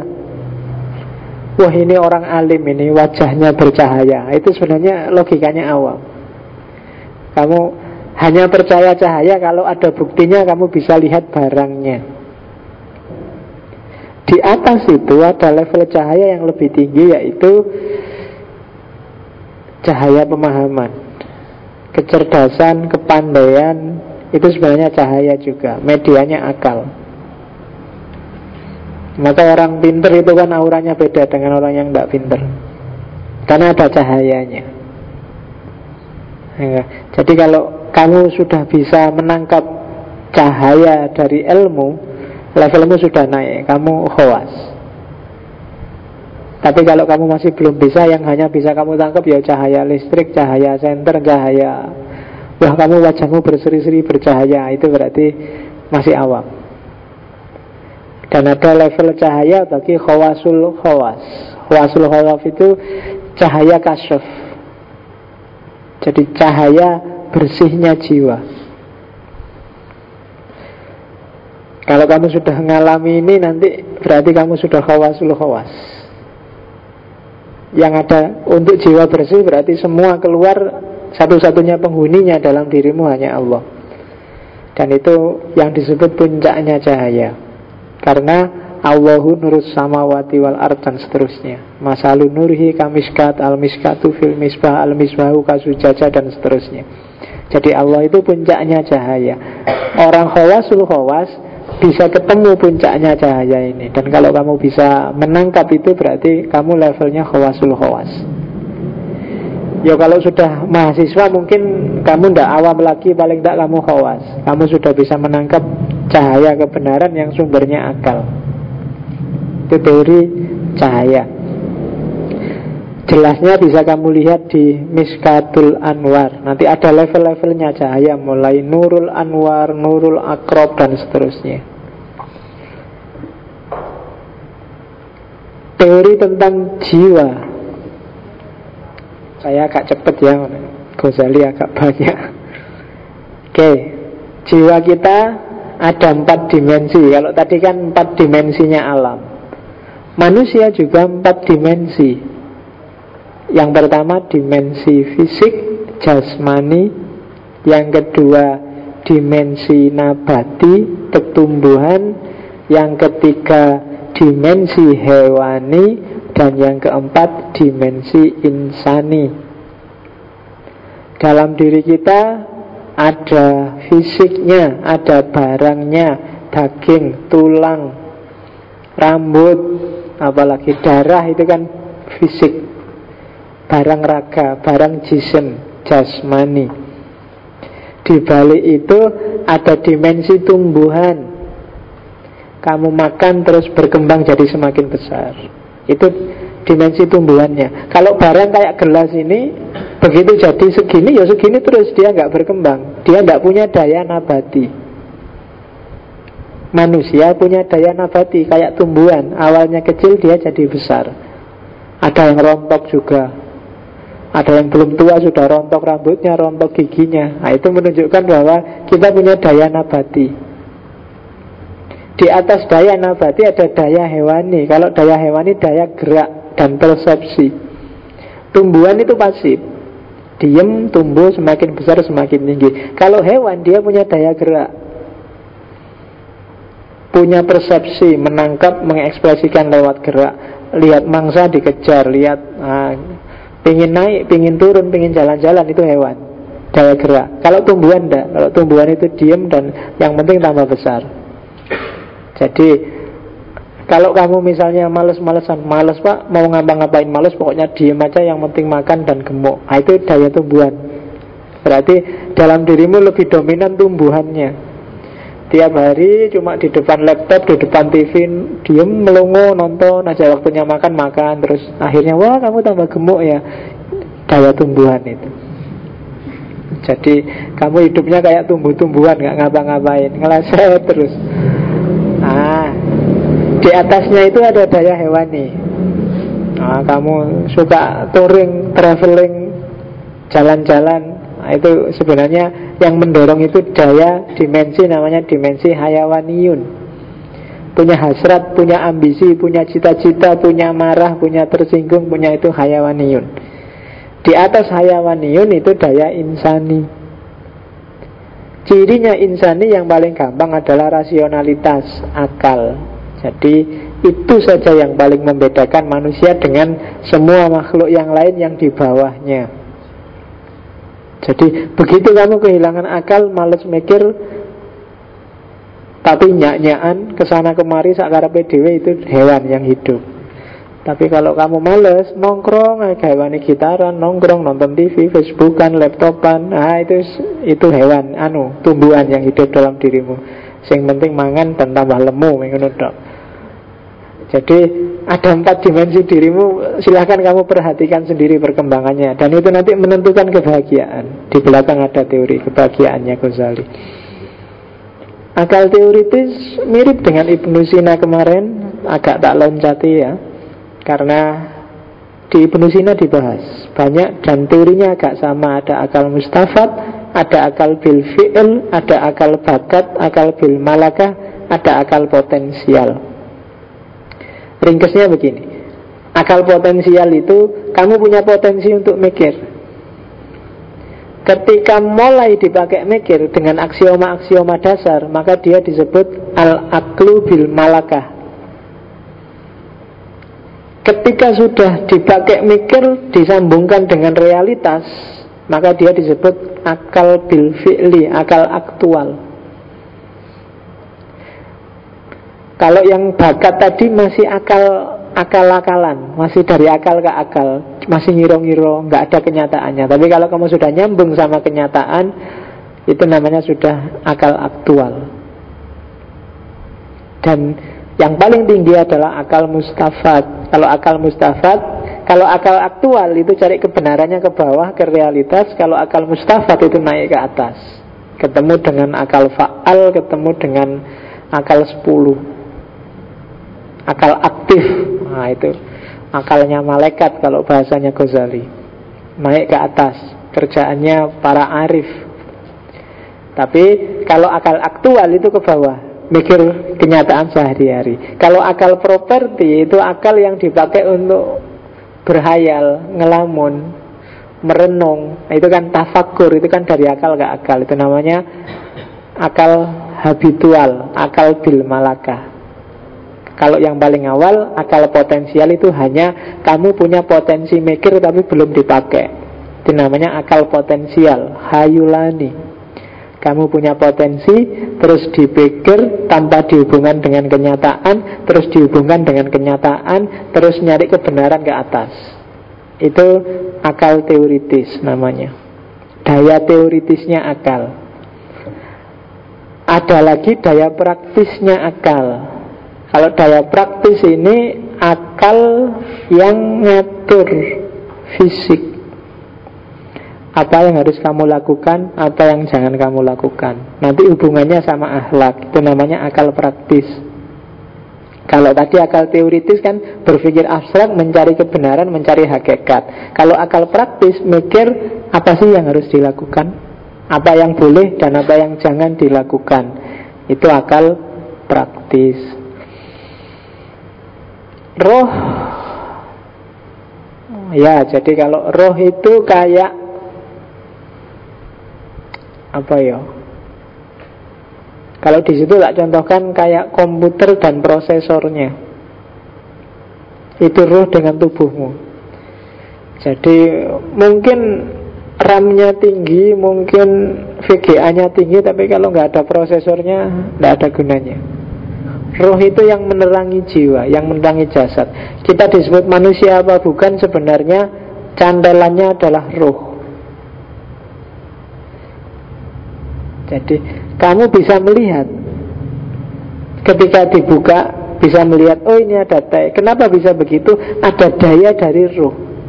Kalau nggak ada ruhnya orang mati apa orang pingsan misalnya, rohnya nggak aktif, meskipun dia kamu buka, kamu ketawa-ketawa di depannya kamu hai hai, nggak ngerti dia, nggak paham dia. Kenapa nggak ada ruh? Itu. Meskipun ada cewek cakep di depannya lewat, dia tidak akan kaget. Meskipun itu ada cewek itu ada cewek. Tapi kalau rohnya hilang tidak ada gunanya. Kayak komputer tanpa prosesor. Itu roh kalau di Ghazali. Dalam diri manusia. Jadi ini dimensi batinnya jadi selain akal ada roh roh itu daya jiwanya selain roh ada kolab Jadi kolep ini kalau dalam bahasa sehari-hari mungkin kamu menyebutnya nurani. Ada kolep fisik, ada kolep non fisik. Kolep fisik itu yang kamu sebut jantung. Kolep non fisik itu tidak sama dengan jantung, tapi dia tinggalnya ada hubungannya dengan jantung yang fisik. Itu dalam analisisnya Ghazali. Jadi dan nurani ini menentukan baik buruknya hidupmu. Jangan salah, bukan akal. Kalau akal itu raja. Raja itu yang ngatur. Cuma penentunya kalau kadang-kadang akal itu hanya mencari benarnya sendiri Tapi kalau kolom tidak bisa ditipu Nurani. Manusia bukan manusia Ditentukan oleh nurani. Dia menentukan perbuatannya manusia. Kamu jadi anak soleh atau anak mursal itu Kuncinya ada di kolom Bukan di akal. Karena kalau akal mursal pun bisa dicarikan dalilnya. Tapi kalau nurani nggak bisa. Makanya Nabi bilang Kalau ada urusan senjelimut apa pun Tanyakan hatimu. Maksudnya tanyakan nuranimu Kalau masih hidup dan terang. Kalau gelap ya waduh Kamu tanya juga jawabannya gelap. Itu kolab Makanya ala inna fil jasadi mudhuatun ida soluhat soluhal jasadi kuluh dan seterusnya. Dalam diri kita ada segumpal daging yang kalau dia baik baik mesti anak ini. Semuanya. Itu kolab makanya kita selalu disuruh berdoa yang mukallibal kulub yang membolak-balik hati. Kolab itu artinya balik memang karena dia sering sering ganti-ganti. Itu kolab di luar kolab ada nafs. Kalau nafas itu kalau bahasa Indonesia ini ya gampang-gampangnya nafsu. Hasrat. Nafas penting karena kalau nggak ada nafas kamu tidak akan gerak Tanpa hasrat, tanpa keinginan, tanpa pendorong yang namanya nafas Kita akan pasif Cuma nafas harus disetir oleh akal dan dijaga oleh hati, oleh nurani kalau enggak dia jadi liar dan enggak akan jadi mutmainnah. Yang bisa bikin dia mutmainnah tadi kombinasi yang mengendalikan antara nurani dan akal. Makanya nafasmu harus jadi mutmainnah. Kalau belum mutmainnah kamu enggak akan bisa ketemu Allah. Enggak bisa irji'i ila. Itu nafas. Jadi hasrat ya nafsu kalau kamu menerjemahkannya ya meskipun nafsu bukan sekedar nafsu itu tapi nafsu makan nafsu maju nafsu berkembang itu semua nafsu kalau nggak dikendalikan jelek harus dituruti tapi tidak liar makan itu ya tapi tidak dibiarkan. Harus dikendalikan oleh akal dan nuraninya. Dikendalikan oleh akal misalnya jangan makan banyak-banyak. Kalau kebanyakan kamu malah bunuh diri. Akal yang mengendalikan meskipun itu enak. Atau nuraninya mau jangan makan banyak-banyak. Temenmu belum makan sejak pagi. Itu nurani. Kalau dibiarkan liar nafsu itu bahaya. Bahwa kamu suka dengan lawan jenis ya tapi jangan liar kalau liar akan makan dirimu sendiri tidak akan mutmainah kalau nggak percaya cobaan sendiri pacarannya liar sakarepmu sak senengmu pasti kamu sendiri nggak tenang Kenapa nuranimu nggak rela? Akalmu juga diam-diam bilang nggak boleh kayak gitu itu. Jadi jangan cari penyakit. Kalau nggak percaya coba aja. Jangan ding, jangan dicoba. Percayalah, ini levelnya iktikot sudah, hampir ilm. Bukan waham lagi. Jadi nafas, kendalikan itu. Oke. Tahafut-tahafut tak singgung sedikit Mungkin besok di Ibn Rus saya agak panjang ngomong ini Kalau di Ghazali nggak enak karena jawaban dialognya itu ada di Ibn Rus Kalau di Ghazali jenis filosof ada tiga Ada filosof materialis, ada filosof naturalis, ada filosof ketuhanan. Filosof materialis ini filosof yang tidak percaya Tuhan karena yang hanya dipercaya materi. Alam ini sangat tidak ada penciptanya hanya dia saling mempengaruhi kemudian muncul macam-macam seperti ini. Itu materialis. Sampai modern postmodern masih hidup kelompok yang disebut dahriyun materialis. Di atas materialis ada namanya tobiiyun naturalis. Orang naturalis ini lebih tinggi daripada materialis karena dia ketemu Tuhan. Cuma dia belum ketemu Allah, belum ketemu Rasul, belum ketemu itu kelompok naturalis. Kayak misalnya filosof yang bilang alam ini pasti ada penciptanya karena segala sesuatu ada sebabnya. Dari sebab sebab sebab puncaknya itu Allah. Oh, puncaknya itu Tuhan, berarti Tuhan itu ada. Naturalis hanya sampai ini. Percaya bahwa ada Tuhan. Dan alam ini bukan Tuhan yang ngatur, dia ada hukumnya sendiri. Tuhan hanya penyebabnya aja. Tuhan kayak tukang bikin jam.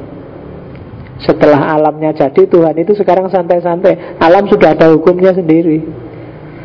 Ya mungkin Tuhan di kantornya sekarang nonton-nonton TV lah nunggu kiamat. Nanti kalau kiamat tinggal menghisap kamu kan gitu. Tuhan dibayangkan kayak tukang bikin jam Kalau jam jam itu kan kalau sudah jadi kan Yang bikin jam peduli amat dia sudah jalan dengan aturannya sendiri Nah, filosof ini namanya filosof naturalis, tabiiyun. Dan ada yang ketiga, ilahiyun. Nah, ini kelompok metafisik. Kalau di Ghazali ya Socrates, Plato, Aristoteles itu sebenarnya masuk ilahiyun. Filosof yang percaya Tuhan dengan segala sistemnya. Dan dua orang ini nanti yang diwarisi oleh Ibnu Sina dan Farabi Dan nanti dikritik beberapa di antaranya oleh Ghazali Di Tahafutul Falasifah Bagi Ghazali, pikirannya filosof itu ada tiga. Yang pertama biasa, boleh. Yang kedua bid'ah. Yang ketiga kafir.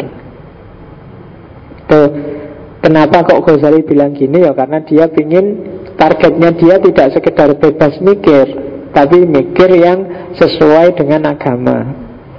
Sehingga dalam cermatannya Ghazali ada beberapa pikirannya para filosof yang nabrak akidah. Kalau di Ghazali yang kufur tiga. Jadi kalau teman-teman nanti baca buku Tahafutul Falasifah Saya tidak tahu ya. Yang saya ngerti yang ada terjemahannya Tahafut Tahafut kalau tahfutul falasifah nggak terlalu tebal. Tahfutul falasifah itu isinya 20 problem filsafat yang digugat oleh Ghazali. Yang itu kebanyakan pikiran-pikirannya Ibnu Sina Dari 20 itu yang tiga bagi Ghazali bikin orang kafir 20 itu sekitar 100 sekian halaman Seperempatnya hanya dipakai untuk bahas isu kodimnya alam. Kalau nanti teman-teman baca Tahfud Falasifa. Jadi tentang kodimnya alam tok itu panjang sekali. Nanti sisanya yang 19 itu pendek-pendek. Paling sehalaman, dua halaman itu aja. Itu Tahfud Falasifa. Nanti kalau sudah sampai di Ibnu Rus kita akan lihat lebih detail apa itu. Sebenarnya yang dikritik oleh Ghazali hanya tiga ini yang dianggapnya agak membawa orang pada kekufuran. Yang pertama kodimnya alam. Kalau kemarin kan para filosof agak berat kalau alam ini diciptakan dari nggak ada apa-apa. Harus ada materinya, meskipun materi itu hanya potensi. Nah kalau Ghazali nggak boleh, nggak boleh ada sesuatu pun harus segala sesuatu pendahulunya Allah, nggak boleh ada yang sejajar dari segi waktu dengan Allah. Maka bahannya alam itu kodim. Kalau di para filosof dan itu yang bagi Ghazali tidak bisa. Kalau ada yang bilang kayak gitu berarti dia kufur. Karena ada dua kodim. Satu-satunya yang boleh kodim hanya Allah. Dan itu panjang dia ngomong itu kodimnya alam. Meskipun nanti dibantah oleh Ibn Rus. Makanya saya nggak bahas sekarang. Sekalian aja besok kita lihat bantahannya Ibn Rus seperti apa. Ada titik-titik yang Ghazali salah paham dengan Ibnu Sina. Termasuk tentang yang kedua Bahwa Tuhan itu nggak ngerti yang detail kecil-kecil. Tuhan ngertinya global aja. Tuhan ngertinya bahwa kamu besok masuk neraka Kamu ini orang pinter kamu Yang detail-detail bahwa Hari ini jam 9 lebih 40 aku garuk-garuk gini Itu nggak ada dalam perbendaharaan ilmunya Tuhan Yang detail-detail gini Tapi hari yang besar-besar umum-umum bahwa Kapan aku nanti akan jadi Orang pinter, orang baik, orang masuk surga itu Allah ngerti yang besar-besar. Tapi yang detail kecil-kecil nggak ngerti. Itu beberapa filosof dari patetik seperti Farabi Ibnu Sina mengindikasikan ke sana dan dibantah oleh Ghazali. Nggak bisa dong kalau kayak gitu bisa kufur loh. Terus kebangkitan jasmani tidak ada. Kayak kemarin di Ibnu Sina bahwa jasad itu ya sudah mengurai, sudah rusak, nggak bangkit lagi. Yang bangkit itu jiwanya Toh siksaan dan balasan itu kan yang merasakan enak dan tidak enak itu jiwa bukan fisik Nah, terus kalau Ghazali Ndak, ndak bisa Karena ayatnya tegas bahwa fisik juga dibangkitkan. Bukan diciptakan ulang, dibangkitkan. Ya fisikmu itu besok yang akan dihisap oleh Allah. Dan ini urusannya akidah. Kalau di Ghazali. Kalau di Ghazali ya mungkin rasional Tapi karena tabrakan sama akidah ya dia bikin kufur. Tidak boleh, harus ada batasnya. Berfilsafat. Nah itu tahafutul falasifah Terus yang dahsyat dari Ghazali yang banyak dibahas orang adalah kausalitas. Ghazali seperti David Hume dia anti kausalitas. Cuma beda dengan David Hume kalau di Ghazali anti kausalitas itu karena masih ada Tuhan. Kalau di David Hume misalnya kalau air dipanaskan maka dia akan mendidih. Itu David Hume bukan kok api atau panas bikin air mendidih Tapi peristiwa panasnya api dan air mendidih itu berjalan beriringan. Tapi bukan sebab akibat. Kalau di Ghazali masalahnya bukan itu. Ketika orang percaya total dengan sebab akibat Maka seolah-olah Allah itu tidak ada. Seolah-olah hidup ini hanya hubungan antara makhluk dengan makhluk Benda dengan benda saling mempengaruhi Kan kemarin di Ibnu Sina itu ada rentetan. Ini disebabkan oleh ini, ini disebabkan oleh ini. Sebab puncaknya cuma Allah. Itu berarti Allah perannya cuma satu dok. Dia jadi sebab yang pertama. Setelah itu kan yang lain disebabkan oleh sebab-sebab selanjutnya. Dan Ghazali nggak percaya kayak gitu. Itu namanya kita memphk Tuhan.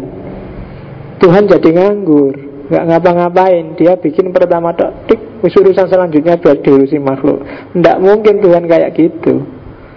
Tuhan selalu intervensi kok jangan khawatir bahwa ada hukum alam iya tapi dia tidak pasti kenapa karena ada Tuhan ini sebenarnya bau asarinya sangat kental jadi tidak bisa kita bilang api itu membakar obat itu menyembuhkan roti itu mengenyangkan tidak bahwa kamu makan roti ya kewajibanmu cuma yang bikin kenyang kamu bukan rotinya tapi Allah yang bikin apa rumah itu terbakar bukan apinya tapi Allah. Kamu loncat dari lantai 30 itu yang bikin kamu mati kan bukan loncatnya tapi Allah. Nah itu anti kausalitasnya Ghazali. Ya tidak salah, cuma angle-nya aja agak agak agak beda. Kita kan ya ngerti sih yang diomongkan Ghazali gitu, tapi kan apa ya begitu cara membacanya kan gitu. Jadi kalau di Ghazali jangan khawatir Tuhan bisa intervensi kok Kamu misalnya melihat dirimu di kaca Waduh aku kok jelek banget ya wajahku Ini aduh apa ya laku atau jangan khawatir Secara sunatullah mungkin nggak laku Tapi ada Allah Kan gitu mikirnya. Jangan khawatir. Allah bisa anytime intervensi Jangan khawatir. Aku wah iki lulusku suwi iki mesti IP ku masih segini masih banyak yang belum lulus masih ayo DO mesti aku ini. Jangan khawatir. Kalau Allah intervensi mbok seperti apa pun masih bisa lulus jangan khawatir. Meskipun sudah garap skripsi tesis bertahun-tahun ora situ-situ ya ojo khawatir. Lulus lulus. Kalau Allah intervensi lo ya itu katanya Ghazali maka ndak saya ndak percaya sebab akibat itu Orang dipenggal kepalanya sekalipun kalau Allah tidak mengizinkan dia mati, tidak mati. Itu Ghazali. Kamu loncat dari lantai 30 kayak tadi sekalipun ya kalau Allah belum menakdirkan saatnya mati, tidak mati. Mungkin pas kamu loncat ada kamu tiba-tiba kecantol di cuma lantai 29 jadi nggak nyampe bawah bisa aja. Atau pas nyampe bawah kok bareng ada truk yang bawa kasur banyak. Karena mau jualan kasur kan pas. Wah, Bisa jadi begitu. Nah itu Maka dia anti kausalitas. Tidak ada sebab akibat yang pasti itu. Karena Allah anytime Karena begitu kita percaya total Dengan sebab akibat Berarti kita sedang menganggurkan Tuhan. Tuhan nggak ngapa-ngapain dong. Lah apa gunanya jadi Tuhan? Mungkin gitu Harusnya kan apa gunanya kamu berdoa? Apa gunanya kamu minta-minta? Gunanya doa kan itu Kamu minta Allah intervensi. Kalau sudah mentok kan kamu terus doa. Kan itu kan kamu minta Allah Ayo Tuhan secara rasional nggak bisa memang aku mbok dibantu kan gitu.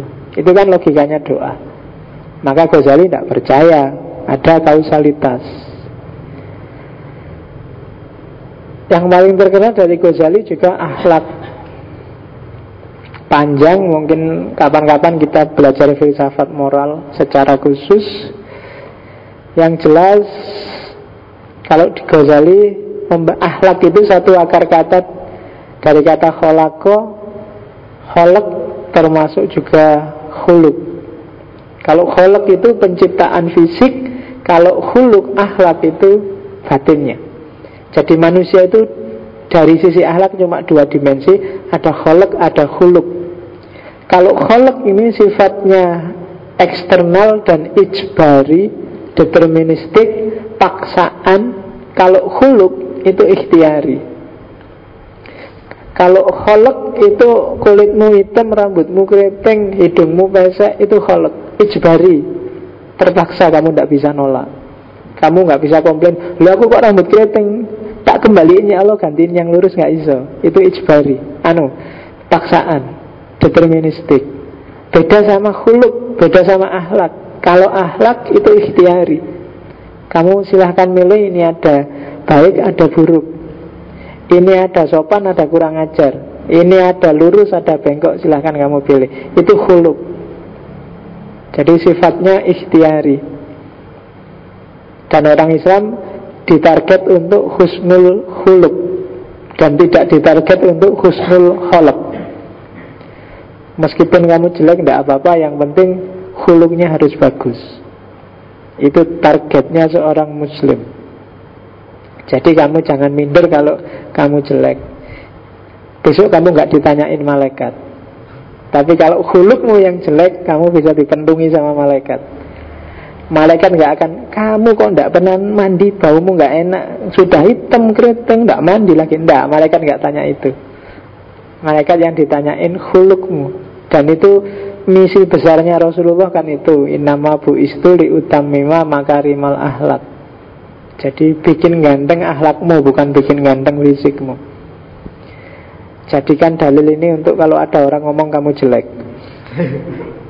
Jadi tenang aja kita nggak disuruh jadi cakep kok hidup di dunia ini. Yang penting ahlaknya baik kan gitu Kalau kamu nembak cewek juga gitu Biar kamu tidak minder. Jangan lihat fisikku loh ya. Ha, gitu. Kan biasanya dalilmu itu tau kamu. Jangan lihat fisik. Lihatlah dalamnya. Malah gila kamu nonton jerone Oke. Okay. Apa sih husnul khuluk itu? Nanti kalau Ghazali ngambil beberapa tokoh yang ini sifatnya gradasi dari level paling dasar sampai level paling tinggi. Ada level, ada lima level. Husnul khuluk itu level paling rendah adalah ini parameternya loh ya, ukurannya. Kalau kamu ingin ngerti orang ini sampai di mana levelnya. Ciri paling gampang orang levelnya paling rendah itu wajahnya ramah dan selalu senyum. Itu level paling rendah Kalau ada orang merengut, metutut Nyebeli wajahnya itu berarti Di level pertama dia sudah gagal. Itu sebenarnya ngambil dari Hasan Basri. Orangnya murah senyum. Gak senyum aja rasanya kayak senyum. Cirinya Nabi kan gitu. Nabi itu kan punya karakter namanya Basam Basam itu selalu senyum. Selalu senyum bukan berarti Nabi mewek terus loh ya senyum. Tapi kesannya itu Kayak orang senyum terus. Itu namanya basam Itu yang membedakan Nabi dengan semua orang kafir Quraisy. Kalau bajunya sama Posturnya sama, jenggotnya sama Dengan Abu Jahal, dengan Abu Lahab. Tapi yang membedakan auranya Dia rasanya selalu senyum. Dan itu cirinya. Jadi parameter paling gampang Dan paling elementer kamu ingin Orang ini ahlaknya baik nggak sih? Coba dilihat. Wajahnya menyebalkan nggak? Murah senyum nggak Enak diajak ngomong nggak? Kan itu cirinya. Ramah nggak orangnya? Kalau sudah metutut diajak ngomong Diajak guyon raiso belas itu biasanya ya Agak susah ahlaknya jadi baik. Paling manggeli. Ya kan? Diajak ngomong baik-baik jawabannya Dari mana mas? Dari tadi.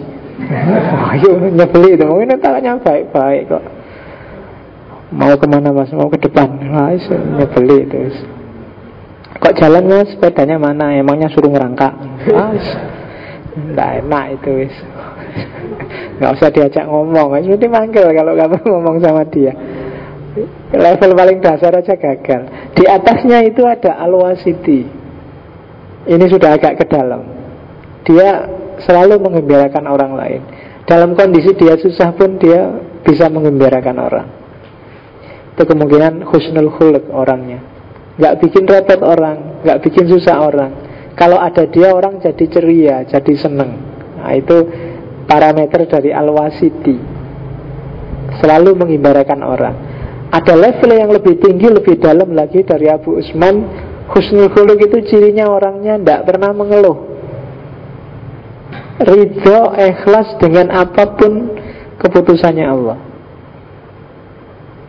Tidak pernah ngerundel, tidak pernah mengeluh, tidak tidak pernah ikhlas orangnya. Oh iya. Jadi nggak pernah. Kamu pakai sandal keluar dari kelas. Oh iya pak, terima kasih keluar santai aja, nggak pernah. Pak pakai sandal aja kan nggak apa apa, nggak bisa. Dia nggak pernah, nggak pernah. Kan hari ini hampir semua orang di Indonesia mengeluh, menuntut. Wah itu berarti ahlaknya masih jauh. Ya kan? Marah-marah mengeluh menuntut nggak terima ingin menuntut haknya keinginannya ya berarti belum. Yang keempat adalah daya menahan dirinya kuat. Bersikap sayang pada orang lain. Menyebarkan kasih sayang. Gampang memaafkan. Kalau ada orang salah Ya sudah kamu saya maafkan Tak doain semoga masuk surga. Syukur-syukur masuk surganya sekarang. Ya itu berarti Ikundung aja mati nek Oke jadi sanggup menahan diri Tidak gampang marah. Itu altur surtan Dan yang terakhir Cirinya orang husnul khuluk Puncaknya orang husnul khuluk adalah orang yang Tidak ingin apa-apa satu-satunya yang diinginkan hanya Allah. IP-nya tinggi ya tidak apa-apa. IP tinggi bukan tujuan akhir. Punya pacar cakep bukan tujuan akhir. Apa-apa enggak Tujuannya cita-citanya cuma satu hanya Allah. Itu berarti sudah puncak Dari husnul khuluk Oke. Terakhir. Ini tadi apa yang kelewatan? Kebahagiaan. Tadi hubungannya sama dimensi tadi loh apa sih kebahagiaan bagimu? Itu menentukan siapa kamu.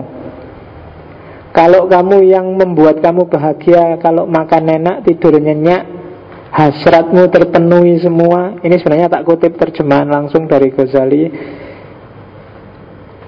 Maka sebenarnya kamu adalah binatang.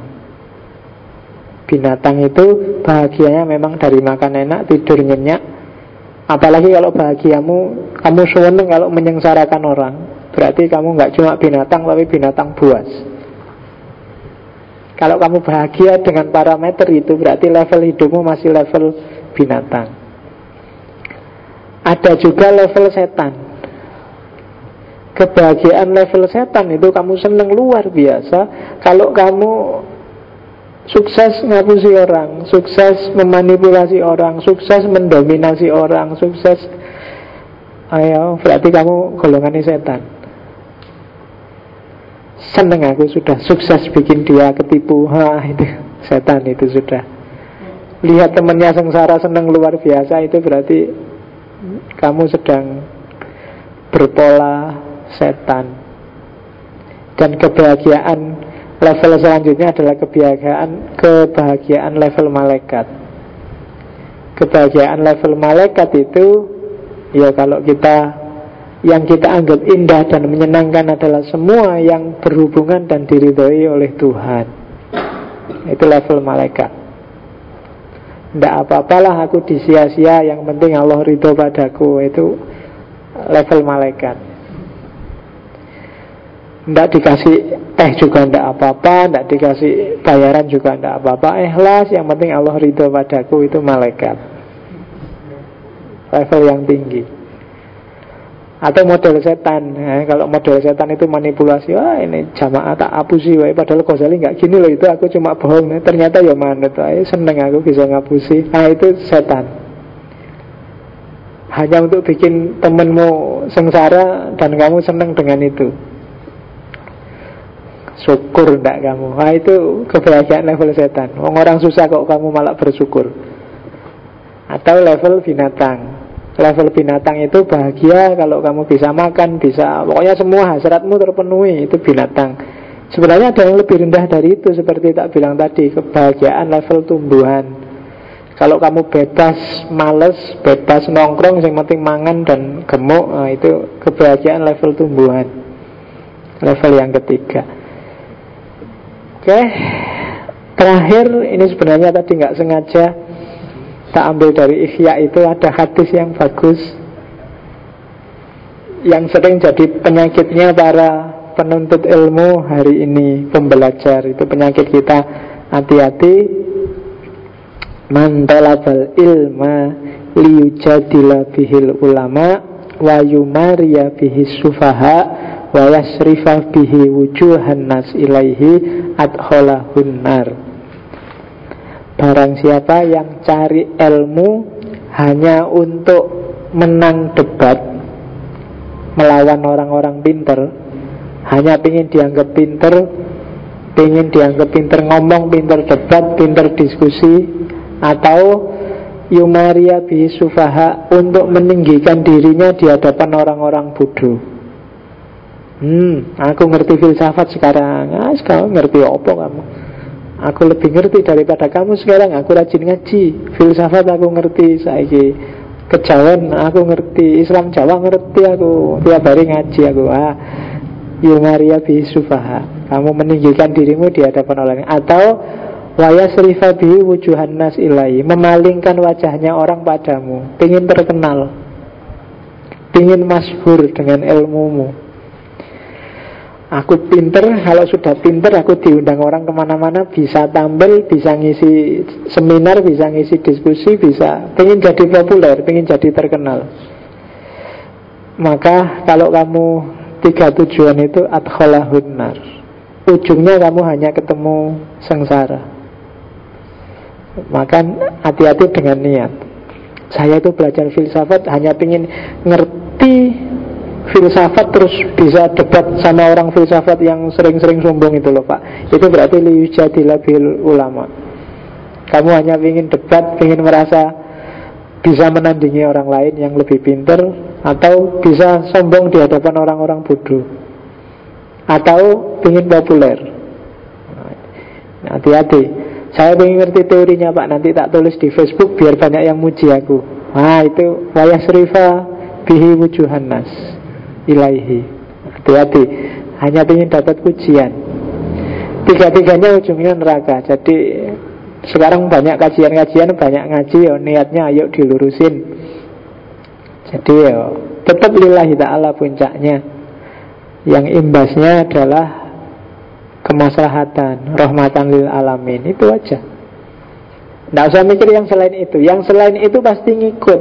Jangan dimasukkan dalam prioritas niatmu. Kalau kamu pinter luar biasa. Nanti diundang orang ke mana-mana ya otomatis kamu masyhur kamu terkenal. Tapi itu bukan tujuan. Otomatis kamu level pengetahuannya lebih tinggi dari orang-orang bodoh. Tapi jangan jadi niat. Otomatis kamu sekarang bisa diskusi sama orang-orang pinter bisa debat mereka bisa ngalahin mereka. Tapi itu bukan tujuan. Kalau itu jadi tujuanmu maka adkhalahun nar Nah itu wasiatnya Ghazali sebenarnya dari Ikhya. Kapan-kapan kalau ada waktu kita belajar filsafat pendidikannya Ghazali Seperti apa murid yang baik, seperti apa guru yang baik Itu luar biasa. Kalau zaman dulu saya kecil di kampung Ngajinya Ayuhal Walad. Ghazali juga. Anak-anak hari ini saya tidak tahu di TPA itu yang diajarin apa Sejak kecil sudah di pressure harus bisa ngaji, pinter ngaji, apal-apalan kayak kategorinya kognitif semua harus agak agak ada diversifikasi karena moralitas itu dibangunnya sejak kecil. Oke, saya kira itu ya. Ada yang mau nanggapi? Ghazali. Minggu depan kita pindah ke barat ketika Islam jaya lagi di Andalusia dengan tiga filosof paling enggak kita ketemu Ibnu Bajah, Ibnu Tufel dan puncaknya adalah Ibnu Rus. Saya akhiri sekian.